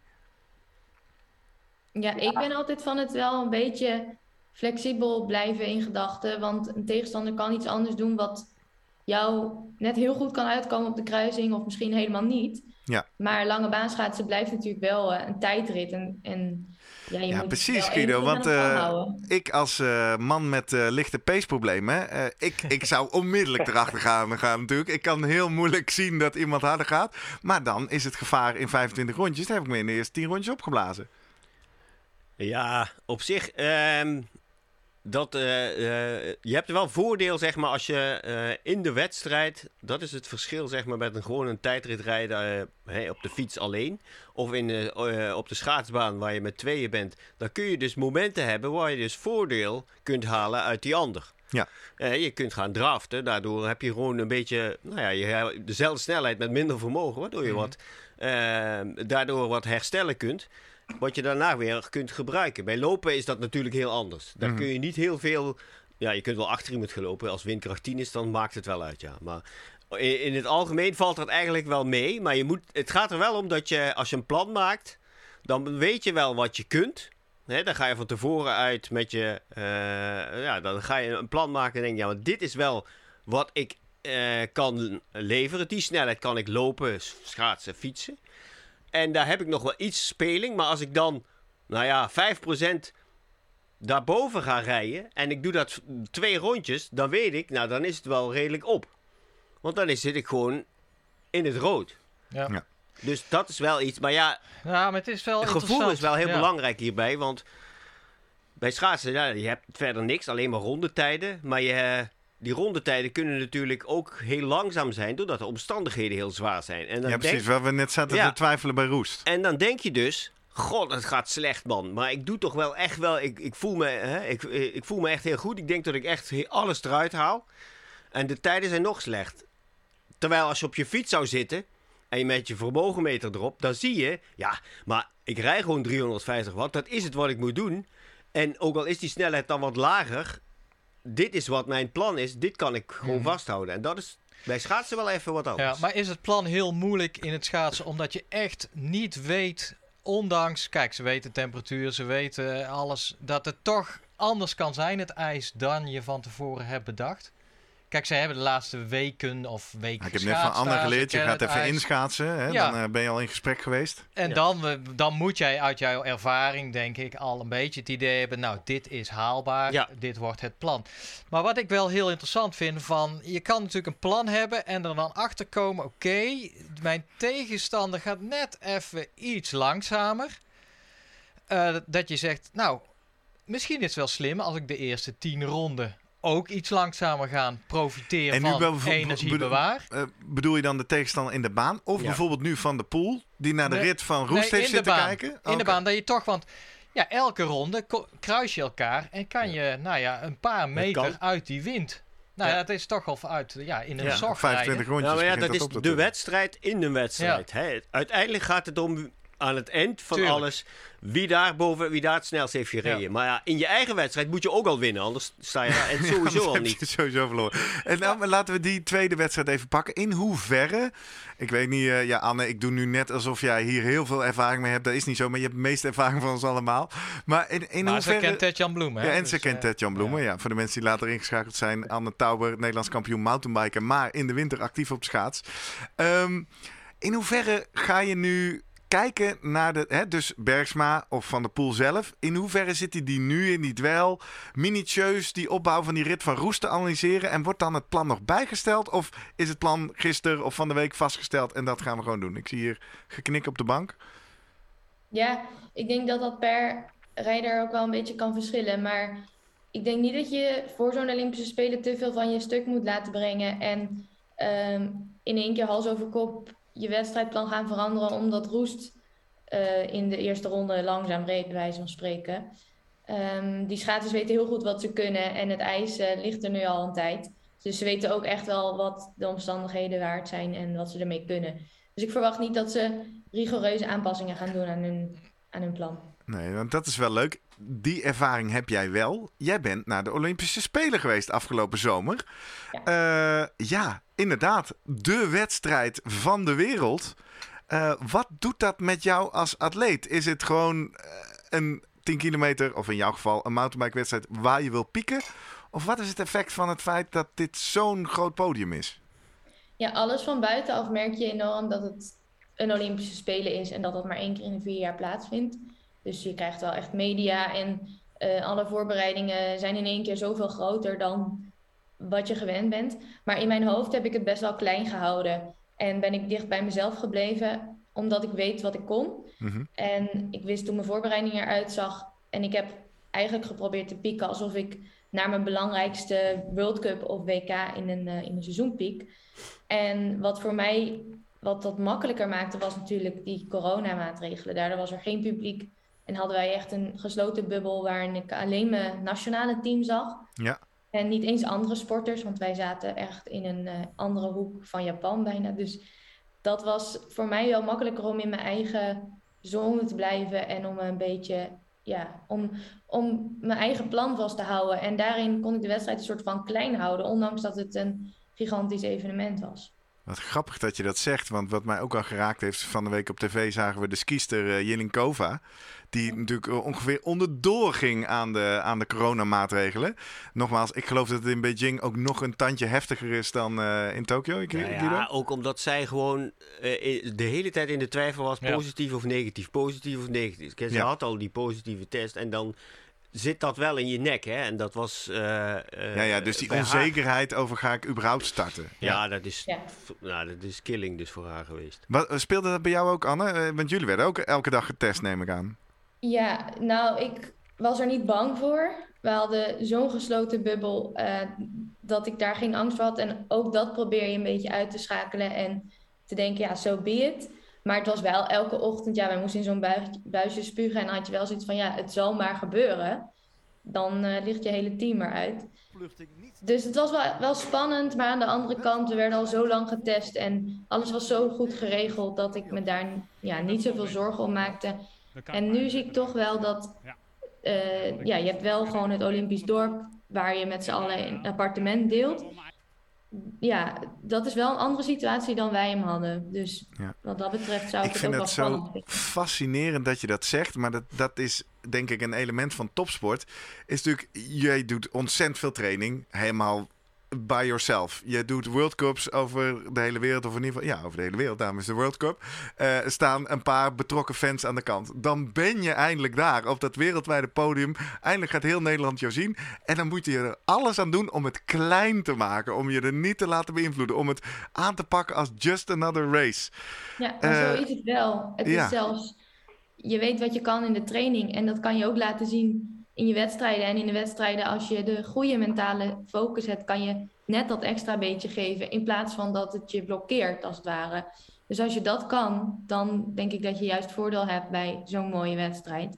Ja. ja, voor mij waren het de eerste spelen en ik had ook echt niks te verliezen. Dus ja, het was alleen maar een mooie ervaring voor mij. Ja, cool. Intrinsieke motivatie, hè? zij doet het voor zichzelf. Ja. Om daar het beste uit te gaan. En niet omdat er mensen eh, in, overal in de wereld staan te kijken, omdat het voor, haar, voor die mensen het wil doen. Ja, dat is precies wat je moet, moet onthouden. Dat je niet voor een ander fietsje fietst omdat jij daar wil staan. En je moet daar precies, van genieten. Je moet niet in één keer denken van uh, Nederland kijkt naar me en ik vertegenwoordig hier mijn land. Dat is natuurlijk wel zo, maar ik fiets omdat ik als klein meisje dacht, hé, hey, dat vind ik mooi en ik wil dit doen. En hier sta ik nu en ik ga hiervan genieten en het beste uit mezelf laten zien. Ja, precies. Nou, ja. Tof. Uh, mooi, dank voor het delen. En nogmaals, ik als kijker denk dan altijd wat zonde. Want ergens wil je toch ook hè, zeggen, je moet er wel van genieten. En uh, uh, nou ja, anyway, dat komt dan misschien achteraf of zo. Als je de foto's en de filmpjes ziet, denk je, holy shit, was ik daar. Ja. Maar dat moet dan ook, hè? Weet ja. je, dat moet je dan ook dus wel doen. Ja, ja, ja. ja. oh, je bedoelt dat genieten, even terugkijken. Ja, ja, ja, ja. ja, ja. ja. Nou, ik heb enorm genoten van de wedstrijden zelf, maar ik heb daar niet voor dus publiek voor nodig. Ik kan ook hmm. op mezelf van de kleine dingen genieten, zeg maar. Ja. Hoe is het gegaan eigenlijk voor de mensen die, uh, die er niet uh, bij waren en uh, denken Heel goed, tot ik een lekker band kreeg. dus, je wou zeggen, fysiek ging het super, maar het materiaal liet je in de steek. Ja. Ja. ja balen, joh. Ja. Hey, ik wil even inhaken op een vraag van Koen van der Kouwen. Uh, ik had, ik, die, die, reageerde op de inleiding van mijn vraag. Zouden ze nu zitten te kijken naar uh, de tijden van roest en daar hun plan op aanpakken? En hij schrijft: um, Sporters hebben vaak een ritueel. Ik denk dat ze kort voor de wedstrijd vooral bezig zijn met hun rituelen. Um, Anne, wat is, uh, wat is jouw wedstrijdritueel? Heb je die? En wat doe je? Nee, ik heb niet echt een ritueel maar ja, als je doelt op warming-up, zorgen dat je er mentaal klaar voor bent, natuurlijk wel. Ja. Um, maar dat is dus, niet een uh, soort vast protocol waarin je altijd precies hetzelfde doet om in een bepaalde state of mind te komen. Um, state of mind niet per se, maar wel een vast protocol in mijn warming-up. Uh, wanneer ik voor het laatst iets eet, um, wel eventjes kort eventueel nog visualiseren, even bedenken Um, hoe, het, hoe het parcours er natuurlijk voor mij bij ligt dan een ijsvloer ziet er altijd een beetje hetzelfde uit. Maar niet, maar, uh, ja, niet eerst je linker schaats aan en dan je rechter? Nee. Oké, okay, daar let je niet op. Nee. Dat nee. zou je maar, ja, misschien uh, scheelt dat nog kan. iets. Ja. Martin, wat is jouw ervaring in de ploeg of uh, voor jouzelf als ja, prof, ben je professioneel wielrenner? Bijna, semi? Ja, ja, ja ik heb uh, een NRC-NSF staan. Ja, precies, dat bedoel ik. Dus ja. wat is jouw ervaring, het zij in jouw ploeg als schaatscoach, het zij in jouw eigen wielercarrière? Uh, ja, goed. Zelf uh, natuurlijk voor tijdritten en zo uh, heb ik er gewoon een vast protocol. maar ik probeer ook niet bezig te zijn, inderdaad, wat Jurgen zegt. Eerst de ene schoen aan en dan de andere schoen. Dat, ja, dat slaat natuurlijk nergens op. Maar, heb je, heb ja. je bijgeloof? Lucky onderbroek of zo? Nee, ja, dat, vroeger begon ik daar wel een beetje mee hoor, als jonge jongen. Maar dat, uh, dat heb ik mezelf snel afgeleerd. ja, ja. ja. Helder. Ja. Guido, jij uh, begeleidt uh, diverse atleten, ook Olympiërs of Paralympiërs. ken je daar het onderwerp rituelen of bijgeloof? Heb je daar een mooie anekdote? Nou, rituelen zijn er wel. Martin kent Jetsen heel goed. Jetse Plat, hè? De, de Olympisch kampioen uh, paratriathlon en handbiken. Ja, en als je hem voor de wedstrijd ziet, dan herken je wel. Dan, uh, gaat hij zich, nou, dan wil hij zich gewoon focussen op de wedstrijd. zet hij ook een koptelefoon op. Dat is al een teken, hè? Van andere mensen. Afsluiten. Van, ik, eh, weet je, ik ga nu, ik ben met mezelf bezig. Ik sta niet open voor, nou ja, vragen, noem het maar allemaal op, wat altijd mensen doen. En ehm daar kun je ook kleine oortjes in doen en, en je, en je warming-up doen. Maar hij doet gewoon een grote koptelefoon op. Dat is duidelijk van een signaal van, ja, ik ben bezig met mezelf. Wedstrijdvoorbereiding, muziekje op, et cetera. En dat, dat zie je altijd bij hem. Ehm, en anderen die hebben dat, ja, weet je, die... eh, ehm, ik denk bij het mountainbiken dat eh, Anne eh, dat ook als ze op de roller rijdt, ook waarschijnlijk met muziek doet en eh, even in zichzelf zit. En dan zitten ze vaak nog in bij de ploeg in de tent, dus dan ben je wat afgeschermd. Het, iedereen doet het op zijn eigen manier om zichzelf gewoon in een, ehm, nou ja, in, in, in, in beste gevoel te krijgen, zodat hij nou ja, klaar is voor de wedstrijd.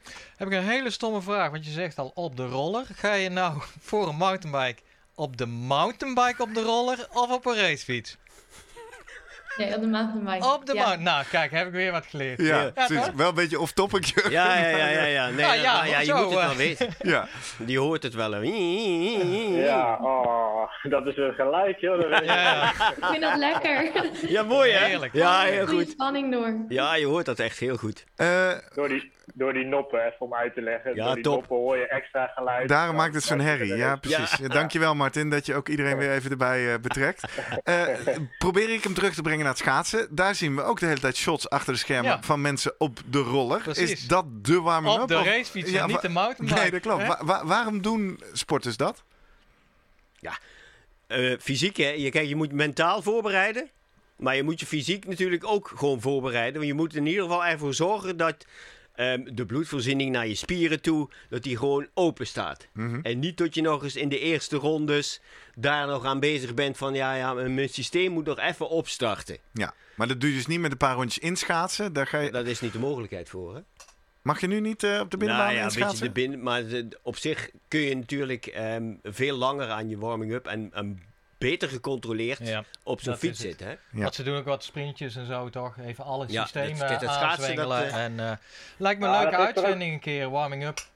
Een onderwerp voor een aflevering van de podcast. Martin. Ja, Martin?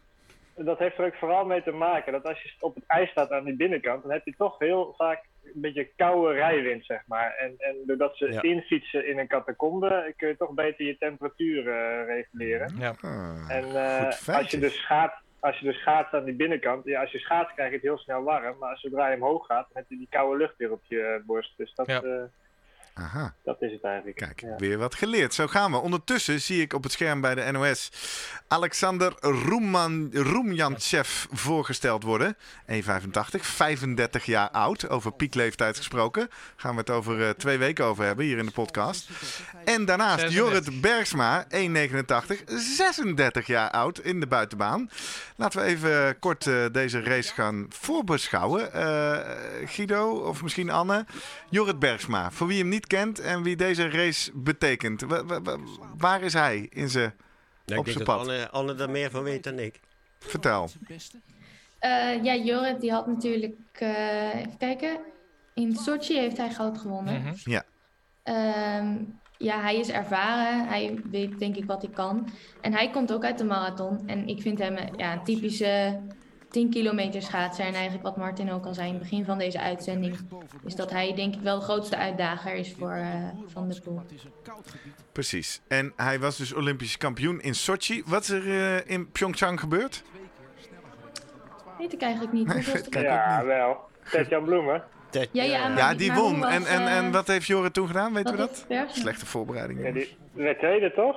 Oké, oké. Ja, Ik weet wel, dat viel me net op, dat de tijd van Jorrit in Sochi was vergelijkbaar met de tijd die Roes net reed. Dus eh, dat kijk. was toen de winnende tijd. Lekker Anne, jij zit ook even mee te googlen op je computer. Heel goed. Beetje feitjes erin gooien. Eh, want ja, we hebben Hersman eh, toch eh, zachtjes eh, hier maar staan. Ehm, Maar we gaan het nog over piekleeftijd een keer hebben. Maar dit is wel een steer, zie je toch, of de 10 kilometer mannen. Dat zijn toch relatief wat oudere, behalve Niels van der Poel. Ja, die is eh, 25, 26, meen ik. Is het inderdaad ervaring door veel 10 kilometers te rijden? Niels van der Poel is 25, feitje. krijg je langzaam door hoe je die 10 kilometer moet indelen. Eh, hoe kijk jij daarnaar, ehm, eh, Anne? Ja, ik denk wel dat je een soort, ja, daar ervaring in moet hebben. Het is, uh, op een gegeven moment zit daar denk ik wel dat dat een beetje afvlakt, die ervaring. Mhm. je, maar je moet zeker een behoorlijk aantal 10 kilometers hebben gereden, wil je daar een, uh, een Wat kan jij, kan jij nog herinneren, daar heb ik met, uh, oh ja, een aflevering over gehad met Gerrit over het pacen. Dat is onderzoek wat ze in Groningen doen. Nu toch wat wetenschap, daar kijken ja, we heel erg naar het ontwikkelen van pacinggedrag bij schaatsers onder andere, jonge schaatsers. Ja. En dan zien ze eigenlijk op uh, nou ja, 12, 13-jarige leeftijd, dan gaat iedereen, dat is vaak bij 1500 meter, veel te hard van start. En dan, uh, nou, dan zie je ze eigenlijk uh, ja, allemaal te vroeg doodgaan en in de laatste ronde echt heel veel moeite hebben. Maar je pikt daar wel uit uh, dat er sommigen al tussen zitten die dat pacen beter kunnen. En het blijkt toch een redelijk voorspellende waarde te zijn voor later uh, schaatssucces. Alsof je dat, als je dat pacen al intrinsiek een beetje in je hebt. Dus, dus enerzijds ja, uh, moet je dat hebben. Of ja, ja. En anderzijds kun je, moet je dat ontwikkelen. En dat zie je dan in die loop van de jaren van 12 tot 16 jaar. Dan zien ze dus heel snel van de ene doet dat beter, sneller dan de andere. Uh, maar hoe je dat nou precies traint, dat is nog onduidelijk eigenlijk. Ik herinner me uit die aflevering dat we in ieder geval zeker weten... als kind kan je het sowieso nee. niet, hè? Die kunnen niet pacen. Een en... kind, kind kan niet inschatten van ga een kilometer of twee kilometer rennen... want die heeft geen flauw benul wat is twee kilometer. Dat is mooi. Ik vind dat wel ja. mooi hoor, want ik, mijn kinderen hebben, zitten ook op atletiek en uh, ze zijn dan ondertussen 13 en 16. Dus, uh, die, maar toen ze nou ja, 7, 8, 9 jaar waren, dan moet je zo'n cross. En dan wordt een startschot gegeven en dan is het 1 of 2 kilometer cross in het bos. En dan gaan ze als een... Ja, veel te hard. echt sprinten als een gek. En er zijn er die dat kunnen. Ja, hè? die dat ook die, gewoon die, volhouden. Die, die denken, nou, er is niks aan, ik loop gewoon lekker door. Maar ja, er zijn er ook echt heel veel die na 100 meter denken: Oh, ik kan niet meer. Heerlijk. Ja, precies. En dan het bruggetje. Ja, Martin? Als wielrenner uh, met een vermogensmeter is het toch wel heel makkelijk geworden, toch? Om ja. te pacen bedoel jij? Ja. Ja, ja, ja, dat kun je leren. Dat, maar dat is ook de tool, zeg maar, waarmee je... Er wordt altijd over, uh, uh, over die vermogenmeter dan uh, gesproken van... Ja, die dingen moeten weg en dat moet van het stuur af. En um, maar je, ik leer mensen die bij mij trainen om, om zichzelf beter te leren kennen... Door aan de hand van te, te, kijken naar de data die je loopt. En dan denk ik, ah ja, dit kan ik wel. En dan komt een bepaald gevoel bij kijken. Dan weet je, nou ja, als ik dit gevoel heb en ik heb op een gegeven moment die vermogenmeter niet meer. Dan weet ik, dit kan ik wel. En als ik een ander gevoel heb wat nog zwaarder is, dan denk ik, oh, dit kan ik niet meer.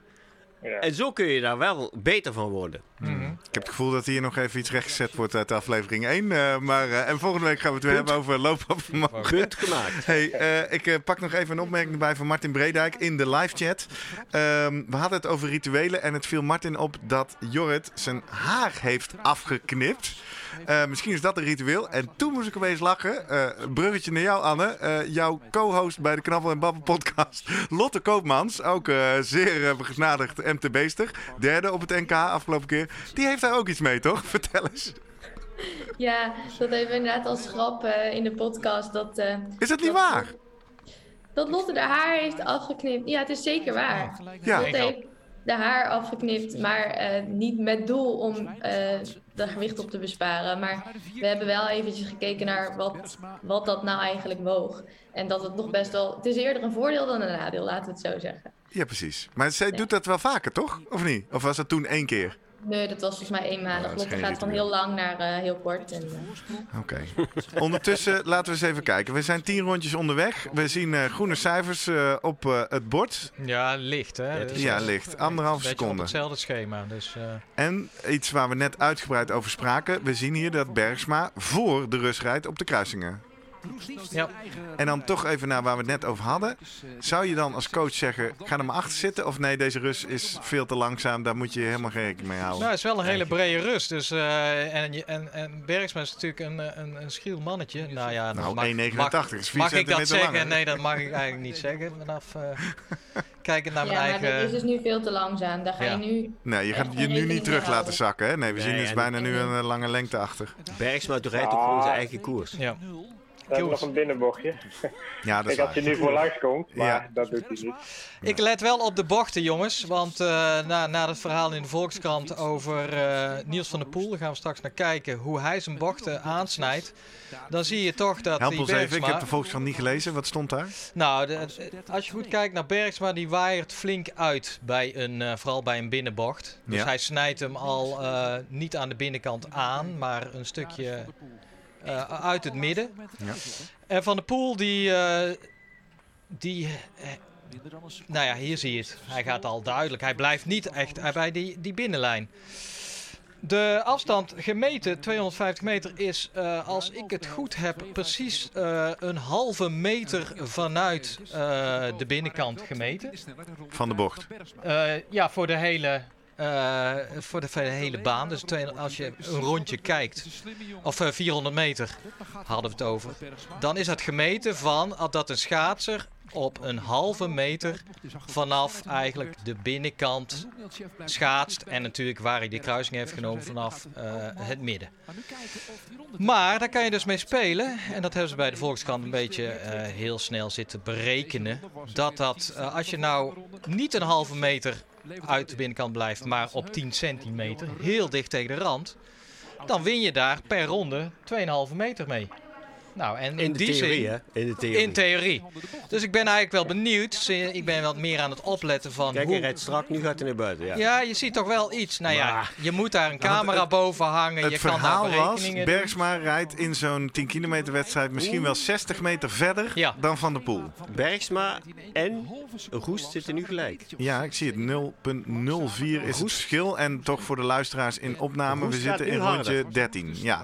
En die zagen we steeds sneller worden in zijn race natuurlijk. Hè? Ja, alleen die Ja, laatste kan ronde was... Ook, maar die tijd van Roest die lijkt dan misschien zo slecht nog niet. Precies, weet je, dat is, het, er zit, het zit bijna hetzelfde te rijden. Ja, Dus ehm, de om- het is geen wereldrecordomstandigheid. Exact. Ondertussen, eh, wij zijn al vijf kwartier live. Leuk. En er zitten nog steeds mensen te kijken. Wat tof. Als je net bent ingeschakeld, laat in de chat even weten wie je bent en vanuit waar je mee zit te kijken. Eh, omdat we tussendoor geen verse koffie kunnen tappen, Jurgen, heb ik een Ja, lekker. gemaakt. Wil je nog koffie? Het is wel zwart. Ja, Geen, maar ik had eh, nog even over die bochten, want Sander van Ginkel, die, die heb ik vorig jaar natuurlijk gesproken. Wat Doet al wel in. En die zei, ja, de bochten is wel een ding waar de Nederlanders op zitten, omdat ze in de gaten hebben dat daar winst te halen is. Of, dus hebben op, volgens mij op Tialf hebben ze Kijk eens, daar... je eh, eigen slimmer presteren mok, hè? heerlijk. Uniek eh, gewild item. Wil je ook zwarte koffie of zeg je... Dat is wel goed. In Tialf hebben ze een heel Ja, videosysteem eh, opgetakeld. Waarbij ze eigenlijk elke bocht die daar ge, eh, ja, geschaatst wordt opmeten. En dat later dus gaan analyseren. En, en eh, ja, terug gaan koppelen met, met schaatsers. Om erachter te komen wat is nou de optimale bocht. En dat hangt natuurlijk erg van de schaatser af. Want als jij zwaar bent, dan heb je natuurlijk meer last van die middelpunt vliegende kracht. Of je gaat harder, dan vlieg je naar buiten. Ja. Maar ik denk dat daar wel een toekomst ligt. Dat, eh, ja, dat, in principe, volgens mij, dat moet Anne en Martin maar even eh, dadelijk, eh, ga ik bij ze checken. Ja, leert iedereen eigenlijk dezelfde bocht aan. Er wordt niet per persoon gekeken van, ah, hoe zwaar ben jij? Hoe is jouw slag? Hoe, hoe vaak ga je pootje over in de bocht? Dan zou jij, dan is dit jouw optimale bocht.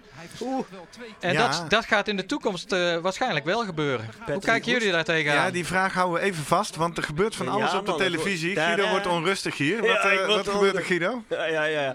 Bergsma hard, het gaat, prij, of terrein Ja. prijsgeven. Want Roest heeft toch echt niet zo slecht gereden. Hij reed hier nog steeds heel... Kijk, en hij zit nu op 2,7 seconden achter Ja. schema Roest. Ja, en ik heb hier de, de live rondetijden van de ISU voor mijn neus. 29,8 voor Roest en hij rijdt weer Ja. eh, 30, bo- boven de 30 weer. Exact. En we zien eigenlijk hier rondjes 17 tot en met 22 zat Roest allemaal in de 29ers. Ja, En als ik nu naar eh, Bergsma kijk, die zit Ja, eigenlijk nu- structureel op 30,5.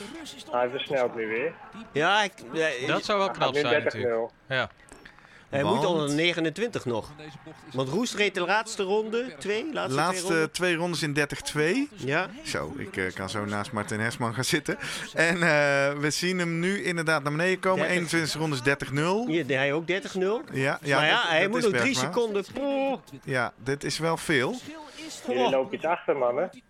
Ja, dat klopt. Onze livestream Ah. die zal ondertussen wat gebufferd hebben. Oh ja joh, Ja, wij lopen iets achter. Er zijn mensen... Zijn ze al binnen? wat was de tijd?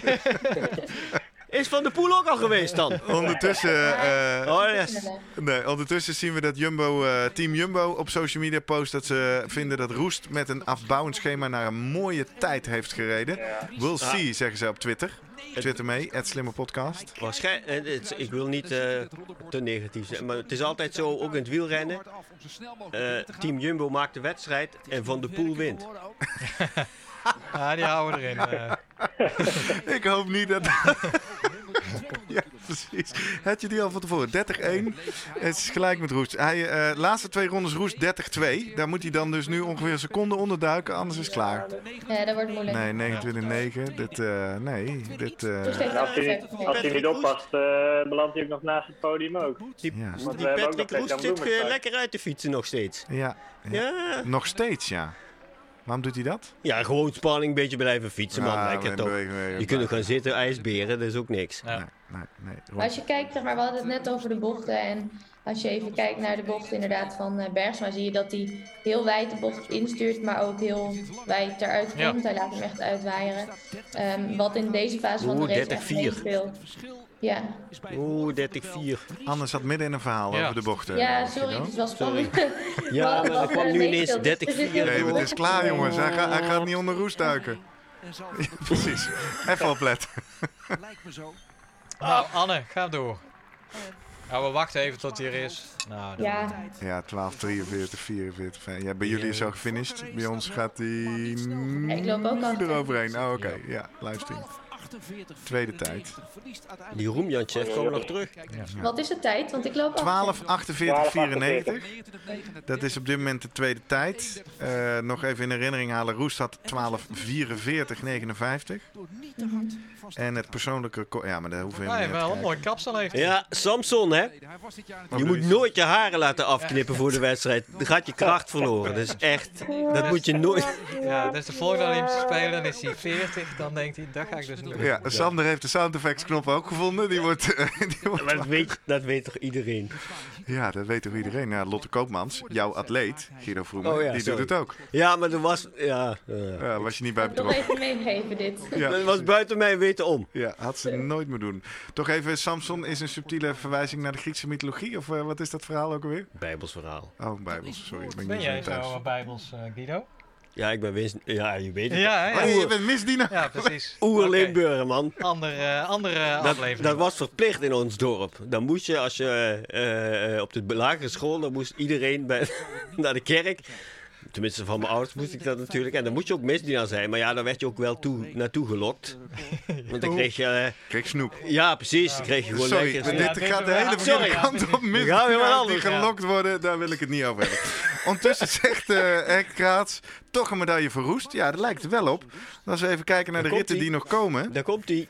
dan eh, zijn er natuurlijk nog maar twee ritten te gaan. Eh, waarvan we niet hoeven te verwachten dat Giotto of Swings nog daar overheen gaan. Toch? Of wel?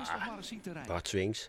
Altijd gevaarlijk, hè? Dat is een Belg. Ja. Ja, vind ik ook, ja. Is, Ja. is Bart Swings eigenlijk een nederberg? Let- Net zoals Veldkamp? Of, Ja, eh, ja, ja. Ja, oké. Maar let maar op de massastart straks.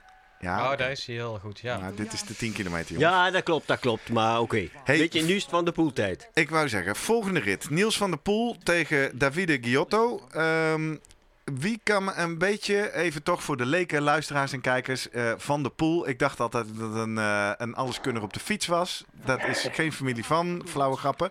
Maar toch even, wie is deze jongen, waar komt hij vandaan? Het is een Zweed. Ja, dan, hebben we al dan heb je al 10 minuten nodig. Hij heeft vroeger schans gesprongen. Echt? Net zoals Roglic, of niet? Of is dit nu weer een grap?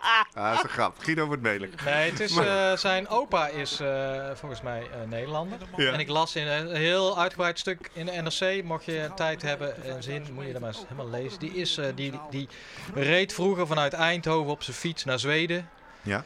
En is daar blijven hangen, een vrouw ontmoet, et cetera, et cetera. Maar dan geef al aan, die opa hield ook al van lange afstanden. En dat is, als je het verhaal van Van der Poel leest... Nu heb je het over Niels van der Poel, de dat Zweedse is echt schaatser. ongehoord. Dat, ik denk dat we het daar wel uitgebreid over kunnen hebben. Hoe hij traint, wat hij... eh, Nou, vertel maar even, we zitten in de eerste ronde, dus ik wil wel wat Nou meer ja. over deze jongen te weten komen. Hij is dus, ehm, volgens mij even, ja, de- eh, vier jaar geleden is hij even uit geweest. Je moet de hij was- microfoon bij je Hij was er houden. klaar mee, hè? Ja, ja. Nou is hij eh, bij in eh, een of ander onderdeel van de, van de mariniers, zullen we maar zeggen, Nog, we beginnen nu al met 29. Sorry. terechtgekomen. Een zwaar, een militaire eh, groepering waar het alleen maar ging om eh, fysiek eh, afgemat worden, et cetera. Ehm, is hij daarna in de ultrawereld terechtgekomen. Hij loopt heel Je veel. bedoelt ultra lopen? Ja. Ultra lopen, Ja, ja, ja. maar ook eh, fietsen, et cetera. En in, aan de aanloop heeft hij eerst gedacht, ik ga mijn aerobe motor ga ik trainen. Ja. En dan heeft hij echt een jaar lang Aerobe eigenlijk- motor is dus, waar we het eerder in deze uitzending over, dat het lang door kunnen gaan. Ja. hè? Met zuurstof, aeroop. Ja. Met zuurstof. ja. Dus hij, ik las hier 30 km per uur fietste die dan, maar dat deed hij dan 10 uur op een dag of 8 uur. En dan dag in dag uit zo'n beetje. Heeft hij een jaar gedaan. Ook wel afwisselend met lopen. Ultraruns inderdaad van 150 kilometer draaide zijn hand niet voor om.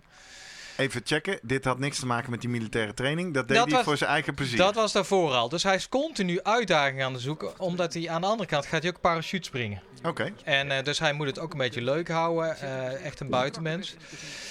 Maar wat ik wel interessant vind, is dan zeggen ze... Oké, heeft die aerobe motor heeft hij, eh, opgebouwd. Sorry Sander, ja. En daarna is hij gaan zeggen... Oké, en nou heb ik snelheid nodig. Ja. Maar nou komt het... Ik lees nu dus overal dat hij zo'n beetje het laatste half jaar... in de aanloop naar de Olympische Spelen... alleen maar 10 kilometers heeft... Of ja, 10 kilometer snelheid traint... ja. En dan eh, soms uh, splitst het wel in drie rondjes van acht. En dan in tegen, altijd in zijn uppie. Dus in tegenstelling tot de Nederlanders, die, die trainen vaak in eh, natuurlijk groepjes achter elkaar. Die trainen vaak alleen maar de binnenbochten. Hij doet dan binnen- en buitenbocht. Mhm. Ja. En Hij alleen maar dat. wedstrijdsimulatie. Ja, maar als je ga- gaat nadenken over dat gepolariseerd trainen, dat is, eh, dan denk ik, ja, hij doet het dus anders als bijvoorbeeld Jacques Ory eh, aan alle kanten in ieder geval pleit en onderzoek naar doet. Jacques Ory heeft wat eh, artikelen inmiddels geschreven, want die is aan het Dit promoveren. is de coach van Roest, hè? Ja, Hebben we het ja. over. Bekende schaatscoach, ja. Die is aan het promoveren op, eh, ja, dat doet hij ook wel lang over, maar dat doet hij erbij. En die heeft inmiddels twee, drie wetenschappelijke artikelen geschreven. Ja. Waarbij hij ten eerste heeft gekeken naar 40 jaar ehm schaatsbegeleiding. heeft hij bij coaches allerlei trainingsschema's opgevraagd in het verleden. Ja. En er is, er is eigenlijk aan de hand daarvan gekeken, oké, hoeveel trainen ze en welke intensiteit. En er is, kwam duidelijk naar voren, eh, nee, schaatsers zijn niet meer gaan trainen, dus niet meer volume, maar wel anders gaan trainen. Relatief eh, vaak rustig en dan af en toe heel hard. Dus dat is dat gepolariseerd trainen waar we het ook wel regelmatig over gehad hebben. Ja. Dat is een beetje de, ja, de gouden standaard inmiddels om eh, beter te worden. Dus dat betekent dat je ja, 80% nou, of 90% van jouw trainingen eh, rustig aandoen relatief. Ja. Lage eh, hartslagzones. En dan 10% knetterhard. Ja. En dat je juist dat, dat grijze gebied wil vermijden. Ja. Ja. Ehm, heeft hij ook beschreven voor Mark Tuitert in de aanloop, in, aanloop naar de 2010, eh, toen hij eh, eh, Olympisch kampioen 1500 meter in Vancouver werd. Ja. Nou, waar zat het hem in? Nou, dan heeft hij net, ja, met een data-analyse met Leidse onderzoekers kwamen ze erachter. Dat zat hem echt in een hele kleine verschil in eigenlijk de benadering van die duurtrainingen, die hij eerst dan op een, ja, eh, met een RPE, daar hebben we het, eh, de Rate of Perceived Exertion Niet nog een zijweggetje, even terug naar Van der Poel. Die- Want je bent het verschil aan het uitleggen tussen training van Nederlanders en ja, van de nou, Poel. en het was duidelijk dat eh, het geheim van Tuitert zat er maar in dat hij rustige, hele rustige trainingen deed op de fiets in de aanloop naar. Exact, exact. En dat de jaren ervoor dat hij net daar te hard ging. Ja. Nou, als ik dan van de pool kijk, dan denk ik, wat ik daar mis, is denk je ik, komt ja, er niet tussen, Anne. Ik kom zo naar jou. hij mist daar gewoon die, echt die, die sprinttrainingen. Ja. Dus echt die, Van de Poel, zeg jij? ja. Als hij alleen maar op wedstrijdsnelheid 10 kilometer traint, Ja. ja. dan zit je, nou ja, dan, dan neig ik al een beetje, ga je niet een beetje grijs trainen. Nee. Mis je dan niet echt die... Dat mist hij dus niet. Kijk maar. Ja, want dan je, kom je op wat waar we doet hij? de podcast over hebben. wat Als je wint, heb je gelijk. Maar ja. ja, hebben al die wetenschappers, want ik bedoel, Nou, Jacques Ory is niet de eerste Ja. van gepolariseerd trainen. Dat zijn eh, die, die Steven Zeiler en er zijn Dat honderdduizend klopt. Maar dat gaat dan wel over een hele grote groep. En dit zijn individuele topsporters. En die moet je allemaal individueel bekijken. En daar past niet een programma bij van, nou ja, we moeten allemaal gepolariseerd trainen. Nee, maar je moet je- kijken wat hij moet kunnen en wat hij kan. Maar kan hij niet veel meer uit zichzelf Als halen ook als nog- hij rijdt gepolariseerd wereldrecord gaat schema. trainen? Ja, hij rijdt precies. Even, Anne, ik kom naar je toe. Even eh, updates van de wedstrijd en toch even van de live chat. Dan zeggen we, eh Corné de Vrel is ingeschakeld. Corné, goedemorgen. Leuk, vriend van de show. Ivo Habits, eh, die eh, doet nog even een factcheck. Die corrigeert ons. Die zegt, ho, ho die Sphinx is echt wel een echte Belg. Ja, ja. Komt uit de Rent in Vlaams-Brabant. Sorry Ja. eh, Ivo, dankjewel. Henk Kraat zegt, let maar op. Deze Van der Poel gaat nu een wereldrecord rijden, is zijn voorspelling. Nou ja, daar rijdt hij ook op nu. En eh, eh, Martin zegt nog, Bergsma had even het verhaal van 91 Samsung moeten lezen. Eh, Remco Renes haakt ook in, die zegt, zo slecht was die roes nog niet. Eh, wat je Maar die natuurlijk ziet... Ook niet. in het- nee, die zit ook onder roest. Precies. We hebben nog 12 ronden te gaan. Op dit moment zit, eh, zitten ze beide ver onder het schema van Roest. Eh, Niels van der Poel bijna eh, ruim 9,5 seconden. Dat zat hem natuurlijk in het begin dat we zagen dat Patrick reed rondjes 31-2. En dat deed Niels van der Poel nooit. Die begon 29-6, 30, 30, 30 laag. En die rijdt eigenlijk super strak 30-0 of 30-1 na de rondjes. Ja, ja, maar eigenlijk al zeg maar om het verhaal van Jurgen net. Hij rijdt, hè, dit is 12 minuten. Ja, Als je over 12 minuten maximale inspanning hebt, dan zit daar een, ehm, een invloed van de anaerobe motor van, pak een beet, 5%. ja. Veel meer is in het alle niet. bochten hebben we eerder Nou in de ja, weet je, dat, dat, Ja. dat kun je op en, En- af en op. Hè. En Dat- er zit natuurlijk de hoek. dus dat is heel beperkt. Dus als je daar, her- nou weet je, ik ga die anaerobe motor echt heel veel aandacht aan besteden en die beter maken. Ga je dus ook verliezen in je VO2 max capaciteit. Is, het, is de winst van die groter maken anaerobe motor meer dan het verlies van die VO2 max motor? Ja, ik denk het niet. Dat lijkt nu zo Want bewezen te worden. bij 5000 komt het al dichter in de buurt. Dan gaat die anaerobe motor meer invloed hebben. Ja. En zo schuift dat op. Maar bij een 10 ehm, denk ik dat dat echt tot wat hij doet, ehm, nou ja, en het past bij hem, dan is dat echt, eh, nou ja, voor hem dus de ideale aanpak. Maar als jij coach van hem zou zijn, Ja, of van een wielrenner die eh, dus een inspanning van een kwartier moet leveren, ja, dat is Ja. toch appels met peren. Nou, pak een, een, een hardloper die heel goed is op de 5 kilometer. Ja. Hoe zou jij die laten trainen? Zou je die Hou, laten hou die trainen vraag even al, vast. eh, Ja. Ik ga even naar Anne, want die wilde Ja. er net ook nog even op aanvullen. Anne, vertel. Nou, ik wilde heel graag weten wat Guido eh, vond van de trainingsaanpak van de geperiodiseerd trainen en dan hoe Van der Poel traint en hoe ze bij... eh, Jij zegt maar ik geperiodiseerd, maar je bedoelt dus gepolariseerd, denk ik. hè? Ja, sorry. precies. Even scherp houden. Ehm, maar ik ben nu al erg benieuwd hoe Guido zegt eh 5% anaeroop. Hoe kom je aan die 5% bij een 10 kilometer? ja, dat is zeg maar power duration curve. Als je zeg maar tijd en vermogen in, de eh, in een eh, grafiek uitzet. Als je eh, 1 seconde, 5 seconden, 10 seconden, et cetera in de tijd dan eh, plot, dan zie je eigenlijk, nou ja, f- nou ja, 1 minuut, daar heb je nog heel veel anaeroop vermogen. Hè, daar kun je echt heel veel, dat is echt bij, nou ja, 75, 80 procent. Nou ja, als je naar 5 minuten gaat, neemt dat al het deel van de anaerobe motor neemt al veel verder af. Na 12 minuten is dat deel eigenlijk, als jij maximaal wilt presteren, is dat stukje wat je anaeroop daar nog voordeel of uit- uithaalt, is nog maar beperkt. Ja. En dan zit je aerobe motor zit ondertussen al, nou ja, na 3, 4 minuten zit eigenlijk al op zijn max te draaien. En die anaerobe motor is dan eigenlijk al redelijk, nou ja, afgenomen tot bijna niks. ja. Fascinerend. Je merkt opwinding hier in de studio, want ja, er is wel echt iets aan het gebeuren. Hij zit nog negentiende boven het Maar nu wereldrecord. gaat hij hard hoor. Ja man, dit is, 29,6. ge- dit is... En die Giotto rijdt ook gewoon Ja. echt Super goed. Zien we daar nou dat hij zich laat meetrekken waarschijnlijk? Of is deze Italiaan Oh, gewoon zo oh. goed van zichzelf? Ja, hij is zeker zo goed van zichzelf. Maar ik denk dat hij ook wel eh, gemotiveerd Ja, want En- die heeft natuurlijk de hele tijd een en stip om denkt, zichzelf naartoe te Ik rijden. zal me niet eraf laten rijden. Ja, precies. We gaan de laatste paar rondjes denk ik even ons op de wedstrijd Let richten. even op het bochtje van, eh, van Ja. de poel. Ja. Kijk, wijd uit, Ja. hè, heel wijd. Hey, dus jij zegt eigenlijk dat Volkskrant fake verhaal nieuws, is eh, fake nieuws? Ja, maar dat is het ook. Weet je, dat vind ik. Ja, het verhaal theoretisch klopt Ja. natuurlijk wel. En, maar het kost ook heel veel kracht om die blokjes Ja, te blijven is volgen. Maar Ja. als je dan echt de beelden gaat bekijken, dan denk ik ja. Maar als ik dan de, de realiteit bekijk, dan valt dat heel erg mee. Ja, hij hangt iets meer naar binnen hè, dan eh, de andere, maar nou ja. Ja, Daar wint hij niet op. Hij is gewoon exceptioneel goed. ja. Ja. En- Maar hij kan meer, ik blijf bij, hij kan meer uit zichzelf halen als hij net wat gepolariseerd Ja, maar is dat kan die andere van de pool ook. Ja. Dat is waar. Maar dat zeg jij dus, Jurgen, op basis van trainingswetenschap. Ja, Waarbij we natuurlijk vaker in de podcast er tegenaan lopen dat de wetenschap moet altijd terugkijken Ja. en analyseren. Dus als nu er wetenschappelijk onderzoek komt naar de trainings... Oh, man, onder het wereldrecord. 29,5. Eh, als, hij nu, eh, als we Van de Poel gaan analyseren, dan is het toekomstige wetenschappelijke inzicht misschien wel... ik ben heel benieuwd naar het laatste hoofdstuk van Jack Oris eh, proefschrift over drie jaar. Ja, precies. Waar hij deze benadering van Van der Poel heeft toegepast op zijn eh schaatsen. Ja, Ma- Martin, eh. Martin van der Poel, vertel, wat, eh, Ja. wat zie je? Ja, ja 29-4. Hij is nu echt een sprinter bijna Dat is voor niet zijn normaal. Dus hè? Hij gaat echt... Dat is eh, 50 per- kilometer per uur de hele tijd. ja, Werelduurrecord, man.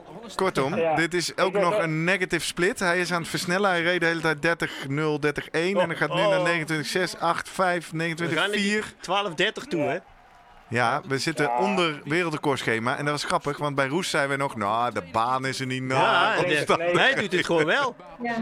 28-9, jongens. Dat is Hij echt doet het gewoon wel. Ja, het is bizar. Hey, dit is historisch. Misschien wel de historisch eh, laatste 10 kilometer op de Olympische dan- Spelen... dan met is- een uniek wereldrecord. Dan is een 10 kilometer ineens wel heel leuk, hè? Niet erg saai, hè? Gewoon, dan Nee. denk ik, nou, goh. Oh, maar iedereen zit te kijken. Oh, nog een rondje sneller. Ja, precies. Daar zit Nou, dan ik, de ik ga opwinding. mijn kinderen wakker maken van jongens, kijken, Jongens, kijken nu. Wereldrecord. Historie. Wereldrecord. Ja, pap, heb je me daarvoor wakker gemaakt? En je maakt het mee live hier in de Slimmer Presteren podcast. Jawel, daar, eh, je mag zo juichen. Cheering, eh, Sander, is het eh, effect als hij eruit komt. Even Ja, Martin, zeg de tijd maar. 12, 30, 74. Ja, Tja. 12,30, daar heb je hem. 6 Bijna watt per kilogram. 14 seconden. Ja, daar wordt gejuicht. 450 watt. Bijna 14 seconden sneller dan Roest op dit moment. En nu even kijken wat die. Kyoto doet. Hier. Duikt hij er ook nog onder? Nee, Oh. nee. Die zit 1,3 Hij is, achter eh, ja, Roest. Roest is nog tweede. Ja, gelukkig ja. Ja, jammer, voor, de, ja, jammer voor die Italiaan, maar eh, fijn voor Patrick Roest. En er komt nog een rit, hè? De Ja, vriend komt- van Anne Touw. Nee, het is flauwkul. De kennis Tatjan van... eh, Flowers. eh, Ja, Flowers. Ja. Die kan ook echt wel wat, dus ik ben heel benieuwd. Wat mij ook opvalt is dat eh, eh, Bergsma heeft zowel op de vijf als op de tien moest hij de eerste rit na het wel. Daar hadden we het net ook al even Ja. over. En ja, Daar gaat ik weet niet Adema of nog het wel wat invloed over heeft, maar zeggen. er wordt wel langzamer gereden na het wel. Ik Wat, denk eh, wat over, zei je? Ik mis hem even. Ik daar gaat luisteren. Adema nog wel wat over zeggen. Over? Over het feit dat eh, Bergsma dus twee keer na de duel heeft eh, moeten Oh ja, rijden. dat is een heel groot nadeel natuurlijk. Ja. Hè? Ondertussen, Ootje Bouwens, oftewel Ode Bouwens, is ook ingeschakeld. Live vanuit Vlaanderen. Kippenvel, schrijft ze. En eh Koen van der Kouwen schrijft nog... En dat omdat onze lobby voor goed ijs heeft gezorgd. Ja, ja, ja, ja, ja, dat heeft het denk. Niels van der Poel heeft het gewoon nog even nog op scherp gezet, want hij wil Ja. nog beter ijs. En denkt, weet je, ik ga die gasten nog een beetje porren. Ja, precies. Nou, daar Zo. is hij wel goed in. Hij heeft toch gewoon gezegd van tevoren, nou, misschien een, wereld, wereldrecord of... eh, ja, dit past ook wel bij hem. Hij, ja, hij flapt er natuurlijk van alles uit, zet de boel op scherp, maar hij maakt het ook nog waar. Ja, dat is toch best wel Ja, dan mag je praten. Ja. Als je, je mag een grote mond hebben als je het Cats. aanmaakt. Ja.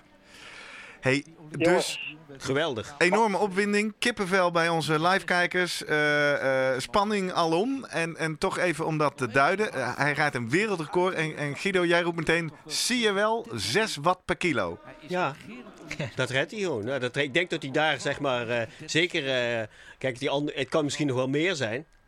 Als het wat zwaarder was dan, zeg maar, wat ik dan heb berekend, al die waardes. Maar daar zit- je moet daar wel rekening houden dat dat eh, in die waardes, in die buurt ligt. Ja. Dat, dat kan die gewoon. Ik denk dat Niels van der Poel, ik heb hem nooit getest natuurlijk. Maar je kunt wel inschatten dat zijn VO2 max ruim boven de 80 zit. Zo, ja. Maar zouden we hem eh, ook in het wielerpeloton kunnen tegenkomen in de toekomst? Nou ja, als hij dat leuk vindt. Lijkt me hè, heel verwarrend Daar gaat het om bij hem. Weet je, Niels van der Poel doet, mijns inziens, als je hem zo be- be- bekijkt en beoordeelt, dan doet hij dus dingen die hij zelf ontzettend leuk vindt. Ja. En dan gaat hij heel lang rennen. eh, in Zweden, door de bossen, weet ik veel wat. Da- daar heeft hij heel veel plezier in. En ehm, als hij dat met fietsen ook zou hebben, nou ja, dan kan hij dat ook. Alleen bij fietsen, dat is wel even wat anders. Want dan moet je wel in een peloton rijden. Ja, En dan moet, je, tactisch, eh. dan moet je raketten kunnen afvuren. Dat je echt in één keer ertussenuit peert. En dat is niet wat hier gebeurt. Nee. Dus ehm, hij kan wel eh, mi- misschien een, eh een Alpe tijdrit eh, heel hard omhoog rijden. Nou is hij wel 75 kilo, dus dat is dan ook wel weer denk ik iets eh, aan de, de, de hoge kant daarvoor, maar hij kan het wel. Ja. Ik wil eigenlijk nog twee dingen zeggen over de bocht van Niels van der Poel. Doe hadden doe eens, het Martin. net over de bocht. Ja. hè. Ja, eigenlijk wel twee dingen die, die we niet echt benoemen is... ehm, waarom ze hem zo wijd aansnijden en zo wijd uitlopen. Ja. En dat heeft er eigenlijk mee te maken dat je in de bocht kun je eigenlijk veel meer snelheid maken dan dat je op het rechte stuk doet. Dus, Oh. eh, ehm, en, en wat Van der Poel dan nog eens extra doet, als je goed keek naar zijn schouder, hij hangt heel erg met zijn schouder Ja. in de bocht ten opzichte van de rest die hem eigenlijk meer uit de bocht haalt, zeg maar. En, en ik denk dat hij daarmee wat meer naar het baanwielrennen heeft gekeken. Dat je hangt in een bocht, dat je lichaamszwaartepunt eh dichter bij het ijs ligt, waardoor je meer snelheid kunt maken. Shorttrekkers, bijvoorbeeld. Ja, ook. Ja. Ja. Ja, ja. ja maar het, het is wel iets moeilijks. Want heel veel schaatsers willen juist eigenlijk die schouder juist eh, eruit hebben. Waardoor je meer druk hebt op je been in de bocht. Mhm. Maar hij doet hem wat meer juist in de bocht. Eh, dat, dat vind ik heel moeilijk in te schatten. Maar zijn idee daarbij is dat zijn lichaamszwaartepunt dichter bij het ijs zit. Waardoor hij meer snelheid heeft. Eh, in plaats van dat hij de druk heeft op zijn benen. Maar Dat dat is is, wel- eh, co- co- ja, dat is gewoon veel moeilijker, technisch gewoon ook moeilijker. Omdat je minder, minder druk op, op je, je ijzer hebt en dus misschien Ja. makkelijker wegglijdt, denk ik dan. Klopt het? Ja, dat is het, ja. Ja. Dus het is ook niet even iets wat je eh, in een half seizoen even aanleert. Daar Nee, moet je eigenlijk nee. van eh, jongs af aan... ehm, ja, misschien hebben we dus, het Nederlandse schaatsen hebben gewoon de bochten verkeerd aangeleerd. Nee, nee, dat denk ik ook Nee? niet. Ja. Het is moeilijk, want de rest... Ja.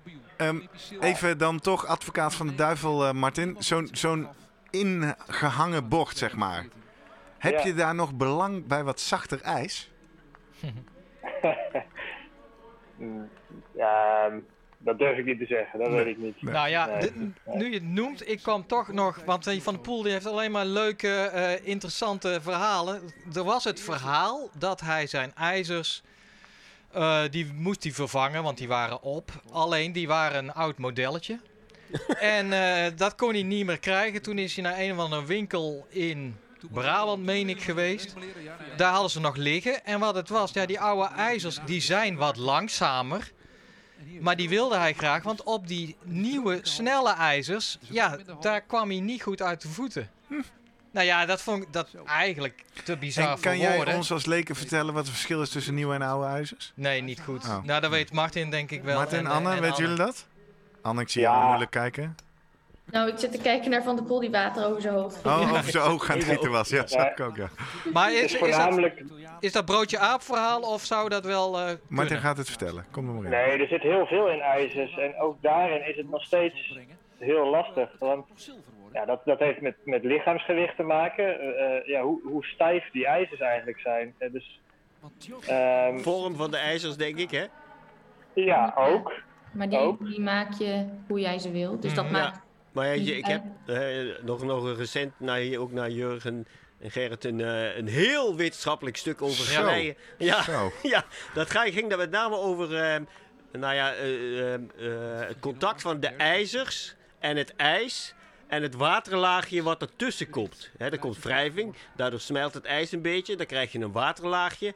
En ehm, daardoor zal, ehm, en de druk die je dan ook nog eens op dat, ijs, op dat ijzer eh, geeft in het ijs, dat maakt allemaal, heeft allemaal invloed op de, de glijweerstand. Waardoor het dus meer of minder weerstand gaat geven. En, ja, en dat is natuurlijk een, nou ja, een heel spel waarbij je heel veel factoren hebt die je kunt beïnvloeden. Nou ja, door misschien wel hè, de eh, type ijzer eh, en inderdaad de, de vorm ervan. Ja. Verwachten we daar nog innovatie? net, eh, Anne, ja?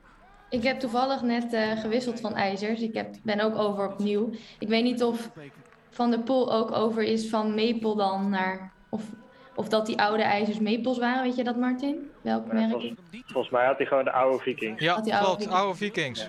Klopt. Ik zal eens pakken, want dan kan ik laten zien. Ja, wat, eh, want dan help ons eens even ijzers begrijpen. Maar dan wil ik even met Guido, want dat was de. Ik heb.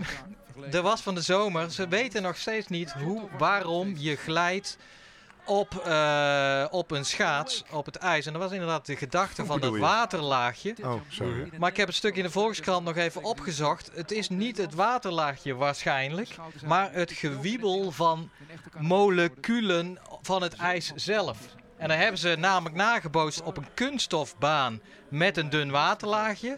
En dan heb je toch veel meer dezelfde eh, eh, waterlaag die dan geacht werd op het ijs te zijn. En het bleek toch veel meer af te remmen. Dus het, nog, het is niet water, maar het is iets met die ijs. Nou ja, Zou het ijs kunnen Nou ja, zijn? weet je, het is het contact onder Tuurlijk, de het is- schaats ja. en het ijs. Dus als er water op ligt, dat, daar gaat het niet om. Het gaat eigenlijk om de directe contact onder die schaats Ja. op die ijsbaan. En als die schaats heel snel over dat ijs beweegt, heb je wrijving. Krijg je altijd warmte. Krijg je dus ook altijd een eh, nou ja, interactie tussen dat ijs, wat een beetje water wordt, en dat ijzer. Ja. En toch even voor de gewone doorsnee kijker. Dit is lekkere basiswetenschap. Waarom willen we dit goed begrijpen? Ja, nee, ik vind het machtig interessant Waarom dat, ze, dat, je- dat ja. ze het nog niet eens snappen. Oh zo. Nee, Ja, want ja, eh, dit is- is nog steeds de vraag van eh, hoe, wat, wat gebeurt er precies onder die schaats. Ja, ja. En natuurlijk Is in el- de... in en is elke schaats dan hetzelfde? Ja. hè? Ja, Hè, dat precies. ijzer, waarom heb jij dit ijzer en waarom Ja. heeft hij dat ijzer? Dat Nou, gaan we horen van Anne. Maar ik wil eerst even een leuke shout-out naar een hele bijzondere kijker die ook is ingeschakeld. Liet jij mij net stiekem op jouw WhatsApp zien, eh, eh, Guido. We hebben hem al even genoemd. Jetse Plat heeft blijkbaar al jouw Instagram-posts gezien. En eh WhatsAppte net door dat hij ook even zat te kijken. Jetse, goedemorgen. Leuk dat je er bent. We hebben het al even over jouw eh, Olympische voorbereidingen gehad. En al wat daarvan geleerd. Over het afsluiten met de koptelefoon. Eh, Anne, heb je je schaatsen gepakt? Ja, zo. Laat eens even zien. Ik ben toevallig dus ook net gaan experimenteren met verschillende ijzers. Ik heb altijd op deze buizen gereden. Dus dit is maple, bestaat inmiddels niet meer. Eh, dus ik dacht op een gegeven moment, oei, ik heb eh maple buizen. En als ik daarop wil blijven rijden, dan moet ik alles inkopen wat er nog is. En eh, dan eh, daar mijn carrière mee op uitzingen. En waarom Maar- bestaan ze niet meer? Het merk is niet gewoon failliet. Ze gaan niet hard genoeg. Zijn ze, zijn ze overgenomen of het is gewoon... eh, Volgens mij bestaat maple helemaal niet Oké. meer. Zijn failliet gegaan. Ja, precies. Oké, en toen? Dus dit zijn nu mijn natuurijsbuizen, want dat is nog wat ik, eh, wat ik heb, zeg maar. En natuurijsbuizen beschadigen natuurlijk gauw, dus je wilt eh, daar niet je mooiste en je nieuwste buis voor gebruiken. En deze ben ik dan de laatste tijd eh, aan het testen. Ja. Dit zijn dus Vikings. Hier rijden inmiddels de meeste langere afstandsschaatsers op. Er is ook nog een andere Vikingbuis, die is eh, blauw. Daar rijden heel veel sprinters op. En dat, komt, dat ligt volgens mij aan de eh, flexibiliteit van de buis. Dus als je een sprinter bent, je bent zwaarder, je hebt meer kracht, dan wil je een hele stijve buis. En deze staat ook bekend als een hele stijve buis. En deze staat meer bekend als een ja, wat minder stijve buis voor de, lange voor, voor de lange afstandsschaatsen. En dan moet je mij weer even helpen als leek. Stijfheid van de buis is goed voor bochten of juist kracht overbrengen? Of wat, wat willen we daarmee? Ja, dat ligt er dus aan eh, of je, als jij een sprinter bent, dan wil je meestal, dat is ook niet eh, universeel, voor, eh, wil je meestal een hele stijve buis. Zodat hij niet te veel meegeeft, want dat is krachtverlies, zeg maar. Ja, energieverlies Eh, denk ik inderdaad. Ja, Alleen precies. het schaats niet zo comfortabel misschien, zo'n eh, ja. Stijve buis. Ja. Ja, maar dat, dat heeft dus ook weer met gewicht te maken. Mhm. Want zoals eh, Anne bijvoorbeeld is heel eh, ja, licht. Eh, als zij met een, een blauwe ijzer gaat rijden die veel stijver is, dan voelt zij veel meer druk in de benen. eh, omdat ehm, ja, de, het contact met het ijs is veel, ja, hoe zeg je dat? Directer denk ik. Ja, precies.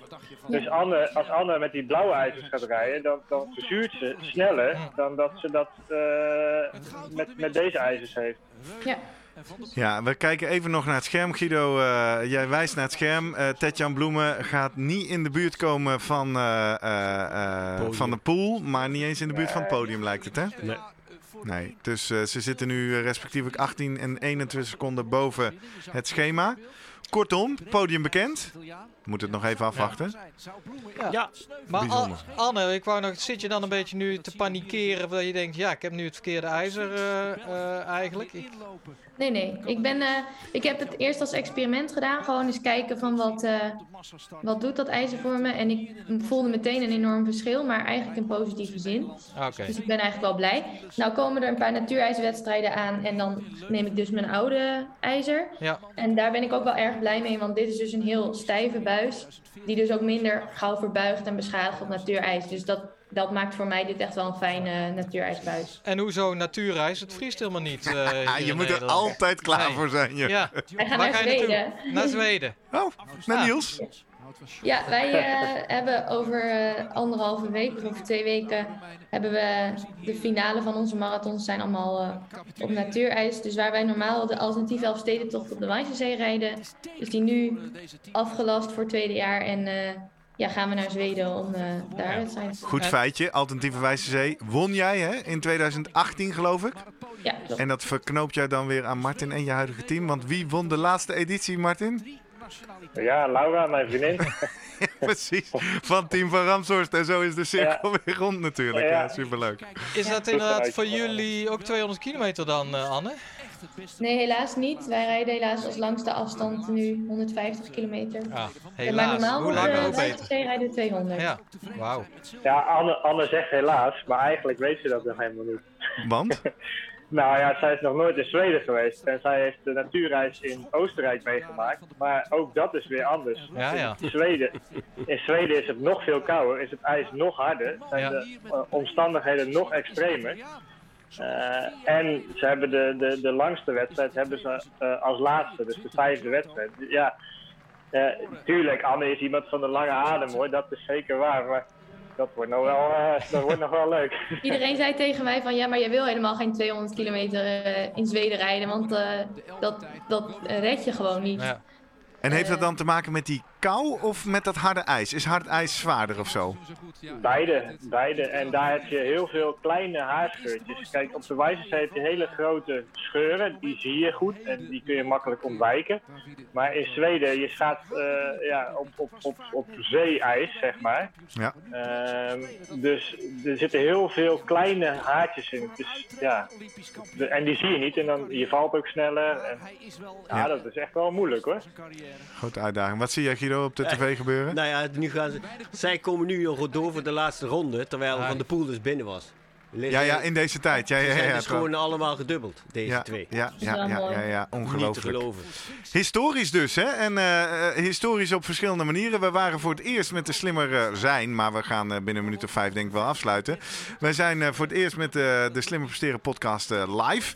Ik eh, wilde nog net een haakje maken, maar het moment is een beetje voorbij. Eh, Anne, je had het over Maple en Viking. En toen wilde ik zeggen, nou, wij worden niet gesponsord door eh, Viking op dit moment. Maar, hè? Nee, helaas. Maar er is nieuws. We zitten eh, officieel nu ook, is dit de aftrap van het eh, vijfde seizoen van de Slimmer Presteren podcast. En het is ons zowaar gelukt om eh, twee commerciële partners aan te sluiten. Daar ga je de komende afleveringen meer van horen. Op een toch wel leuke manier, Jurgen, gaan we dat doen. Die partners gaan allebei tips verzorgen. Eh, de eerste partner is eh, Zo Schoon. Een innovatief eh, schoonmakenproduct. super duurzaam, maar vooral ook zeer gemakkelijk. En iedere aflevering, nou, om de week, hebben we een schoonmaaktip van Zo Schoon. En we hebben nog een tweede partner. En dat is Black Roll.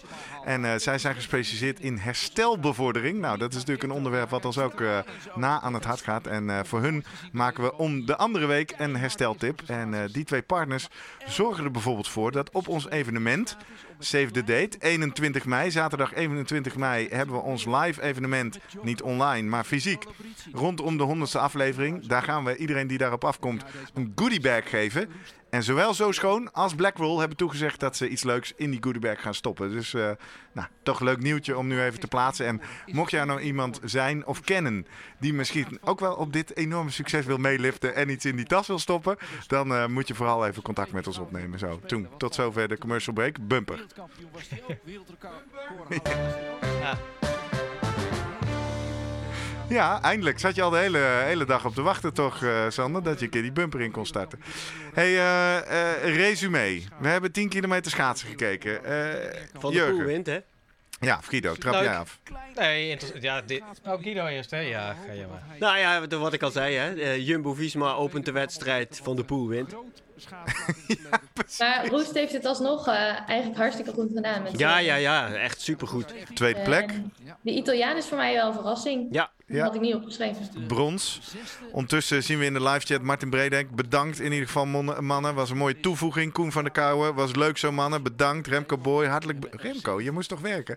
Hartelijk bedankt mannen. Leuk zo. Dus uh, ja, die zeggen ja, kan niet kijken, moet werken. Maar blijkbaar is hij toch stiekem in een hoekje Ja, ja dat kan allemaal.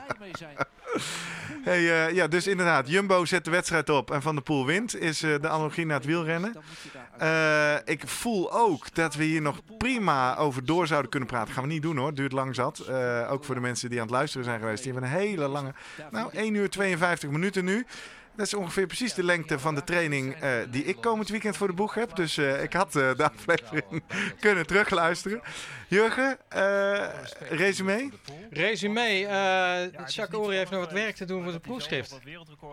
Bijvoorbeeld. Nee, maar kijk, ik en daarmee bedoel jij, en dat is wel een leuk bruggetje naar de podcast, de wetenschap ja. moet misschien wel eens even gaan onderzoeken of de, wat wij nu denken dat de beste trainingsaanpak is of we daarop moeten gaan nuanceren. Ja, ik denk dat schaatsen is sowieso natuurlijk ergens een niche-sport. Uh, toch wel, dat geldt ook voor de wetenschap die er gedaan wordt.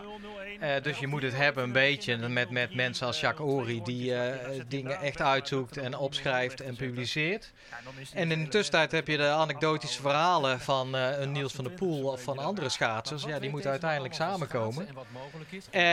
aan de, andere, de, de verhalen zijn, daar gaat het natuurlijk eigenlijk om. Dus het verhaal van de bochten, ja, daar proberen we hier toch een beetje te ontzenuwen van. Ik zie hem hier weer helemaal naar buiten gaan. Ja, dus uh, het is een beetje opklopperij ergens, maar dat past ook wel. Dat maakt het, de 10 kilometer in dit geval wel heel interessant. Ja. En, en we uh, kunnen vaststellen, de Nederlandse hegemonie uh, ja. is doorbroken. Ja. Anne, ondertussen in de live chat, Monique van Oost schrijft: Dank Anne voor je mooie aanvullingen. Dus compliment voor jou ook. waar, waar, welk slotwoord zou jij aan de uitzending willen toevoegen? Ja, ook wel. Uh, wetenschap is misschien geen heilige graal, maar ik denk wel dat het uh, zeker de schaatsport inderdaad met Ori uh, verder brengt. En dat dit, maar dat het mooi is om te zien dat het ook anders kan. En dat je ook moet doen waar jij in gelooft en waar je je goed bij voelt. Dus dat ja. is zeker ja, interessant. Legt een bom onder alles wat we doen met deze podcast aan. Want als je dan denkt, ja, Jurgen zegt dat de wetenschap dit zegt, maar je moet toch gewoon doen wat goed Ik denk wel, wetenschap brengt de sport verder. En ik ben zeker voorstander van het uitpluizen van uh, diverse feitjes. Ja. Dus ik denk, en ik vind wat Ori allemaal doet uh, en hoe hij uh, de trainingsschema's opbouwt en zo, dat vind ik mooi en heel leerzaam om ook van te leren vanuit twee verschillende perspectieven, vanuit het schaatsen en het mountainbiken. Ja, dus, ja, Mooi. Ik roep even tegen Sander, de tv mag bij ons wel uit op de koptelefoons. En dan ga ik naar Martin. Martin, Martin van der Pol, leuk dat je er weer bij was uh, vanochtend. Trouwens, Anne, jij zei dat je om kwart voor tien weg moest, maar je zit ja. Ik had een training en in de middag een afspraak, maar die laatste heb ik verzet. Ah, ah super. Nou, een extra, dankjewel. Martin. Uh, Martin luistert mee natuurlijk. Ja, precies. Martin, uh, wat is jouw reflectie op deze 10 kilometer en deze uitzending?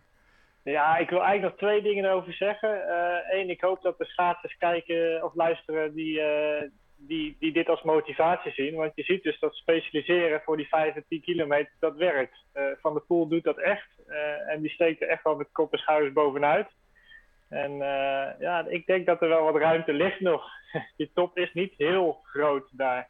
Nee. Maar het betekent ook dat er marathonschaatsers nu zijn die eigenlijk best wel die 5 en die 10 kilometer ook wel aan moeten kunnen als ze daarop zouden specialiseren? Misschien, ja. Misschien. Doen ze ook wel. Ja, maar ik, ik denk ook bij de lange banen. Dus het is nu nog te veel allround, zeg maar. En, en ik, ja, misschien, uh, ik denk dat daar nog wel wat ruimte zit. Hm. Mooi. Je ziet, je ziet het eigenlijk ook bij Irene Schouten. Dat, uh, ja. ja. Wat ik jammer vind persoonlijk is dat er bij de lange baan, uh, bij de jongere leeftijd, de lange afstanden echt een beetje wordt ontmoedigd. En we hebben net al gezegd dat het natuurlijk moeilijk is om als jonkie een goede pace te kunnen vinden. Maar ehm, ik baalde er persoonlijk als uh, klein meisje heel erg van dat ik heel weinig de kans had om een 3 en een 5 kilometer te schaatsen. En dat ik maar die 5 en 500 en die 1000 meter moest schaatsen. Terwijl al, ik denk als jij op jongere leeftijd al een keertje wordt geprikkeld om zo'n lange afstand te rijden, dat dat ook wel goed is om die kinderen enthousiast te maken. De kinderen die toch duursporters zijn en geen sprinters. Ja, ja mooi. Goed, dat vind ik nog... Ondertussen, ja, mag wacht nou een Jurgen, voordat je nog een bruggetje opzet. Ik ben hier in de afsluiting bezig, man. Martin Nee, heeft nog want een ik, punt. ik vraag Erik meteen... Zwart zegt leuke uitzending. Ootje Bouwens, Ode Bouwens zegt dank allemaal was top. Maar goed, nou zet jij nog eens brug. Want Anne, ik moet eh, plassen, snap je dat? Moet het, eh, wat vind jij? Zou bij de vrouwen die rijden nu 3 en 5, maar zou dat ook 5 en 10 moeten, gewoon, hè, eh, moeten zijn, net zoals bij de mannen? Oei, dat vind ik een goede vraag. Het- het- dat kunnen dames zeker, maar ik zie er voor nu niet per se een meerwaarde in. Eh, ik, ik denk dat het zo mooi is om de 3 en de 5 te doen. Ja. Eh, als je naar de tijden kijkt, gaan de dames natuurlijk over een 10 wel erg lang doen. Ja. het is niet dat we niet kunnen, want we En- kunnen ook een 200 schaatsen. Nou, dan maakt de laat, de echte allerlaatste Gerrit. Ja. En waarom staat de marathon niet op het Olympisch programma? Ja, was het maar waar. Ja, handen naar de hemel eh, doet Martin van der Pol. Martin, jij wilde twee punten maken. Een oproep. Je moet je specialiseren. Wat was je tweede punt? Was dit hem? Nou, nee, ik wou eigenlijk even samenvatten. eh, De, de 10 kilometer, eh, ja, ik denk dat we gewoon wel een mooi podium zien. Ik baal zelf een beetje van Jorrit Bergsma. Of, ja, ik had hem graag ook zijn rit van zijn leven willen zien rijden. Dat, dat is echt een fantastische schaatsen. En je zag dat hij het vandaag niet had. En ja, dat vind ik wel jammer. En Ja. ja, die, die team heeft het mooi te rit. Alleen eh, lijkt Jorrit net niet meer daarbij bij aan te sluiten, zeg maar. Eh, jammer inderdaad. We zagen terwijl jullie aan het praten waren, Guido, op tv. Hè, het laatste grafiekje met eh, de tijden. Ja. Waarin je inderdaad van Ja. de pool negative split naar beneden ziet duiken. Nou en ja, bij allemaal Bergsma, een beetje. Weet pats. je, ze gaan allemaal steeds wat harder rijden tot eh, halverwege de, eh, de, de rit. Ehm, en van, van de Poel is overal net ietsje sneller. Ja. En je ziet ehm, dat Roest een hele sterke tweede deel heeft. En dan op het laatst nog iets moet laten liggen waarvan de Poel nog juist nog een extra tandje erbij had. En Bergsma eigenlijk dat, dat die negati- negative split dus niet volhoudt en zelfs helemaal Instort, hè? Ja. Instort. Om inderdaad In de grafiek ziet het er zo Je uit. ziet dus die laatste rondes, daar, gaat hij, daar, daar verliest hij gewoon heel veel. Laat het gaan. Ja. Ja. Eh, Martin van der Pol, dankjewel voor je tijd en je bijdrage vandaag. Anne Tauber, jij ook. Eh, succes met de training vanmiddag. En iedereen die nu nog live zit te kijken. Oh, natuurlijk. Femke Vrij, dank voor de moderatie in de chat ook. Eh, iedereen die nu nog kijkt, leuk dat je erbij was. Iedereen die terugkijkt en luistert, leuk dat je helemaal tot het einde bent blijven luisteren. En zoals altijd sluiten wij af enough met eh, de manieren waarop je ons kan bereiken. We zouden het leuk vinden als je ons laat weten: is dit nou wat? Is dit een leuk format? Zou je willen dat we vaker live gaan? Of zeg je nou, doe maar gewoon weer drie kwartier eh, een paar goede tips en een paar wetenschappelijke feitjes? Laat maar weten, het was een experiment. Je kan ons op een aantal manieren bereiken. Je kan eh, reageren op de YouTube-uitzending hieronder. Tot nu toe in de live chat. Vanaf nu worden dat reacties. YouTube.com slash Gerrit vind je dat. Maar je kan ons natuurlijk ook vinden op social media. We zijn de Slimmer Podcast op Instagram en Twitter. Daar maken we van iedere aflevering en dus ook van deze een post. Die kan je dan weer retweeten of doordelen. Doe dat vooral, want eh, ja, we vinden graag nieuwe mensen voor wie dit ook interessant kan zijn. Je kan ons ook vinden op het web. Dat is www.slimmerpodcast.nl. Daar staat van iedere aflevering een eigen pagina, ook van deze. En daaronder kun je ook reageren. En als je zegt, nou, ik ben niet zo van de social media, mag je ons natuurlijk ook mailen via post.slimmerpodcast.nl. Dat doen meer en meer mensen. Jurgen, ik zag tot mijn schrik dat we nog een aantal mailtjes moeten beantwoorden. Dus eh, nou, mocht jij we gemaild hebben en denken, waarom heb ik nog niks gehoord? Ja, wij hadden even pauze, hè? het was eh, seizoenstop. Maar eh, we zijn weer back on duty en we reageren altijd. We lezen het altijd en we reageren eigenlijk ook meestal. Dus dank voor alle betrokkenheid bij de podcast. Shout-out naar de vrienden van de show. Die hebben we ook meer. De bestellers in de webshop. slimmerpodcast.nl slash webshop. Als je zo'n mooie mok, het boek... Jurg, heb jij een boek geschreven? Ja. Het maakbare uur. En je kan dus een gesigneerd exemplaar bestellen. Superleuk. Guido Vroemen. Fijn dat je er was, jongen. Net op tijd. Eén minuut voor de start. Dat is op tijd. Dat is op tijd, zo is het. Leuk dat je hier erbij was. En eh, ik vond, eh, vond het een leuk experiment. We Ja. gaan nog evalueren. Maar dit was hem voor nu. Dankjewel. Doei! Hoi. Doei doei!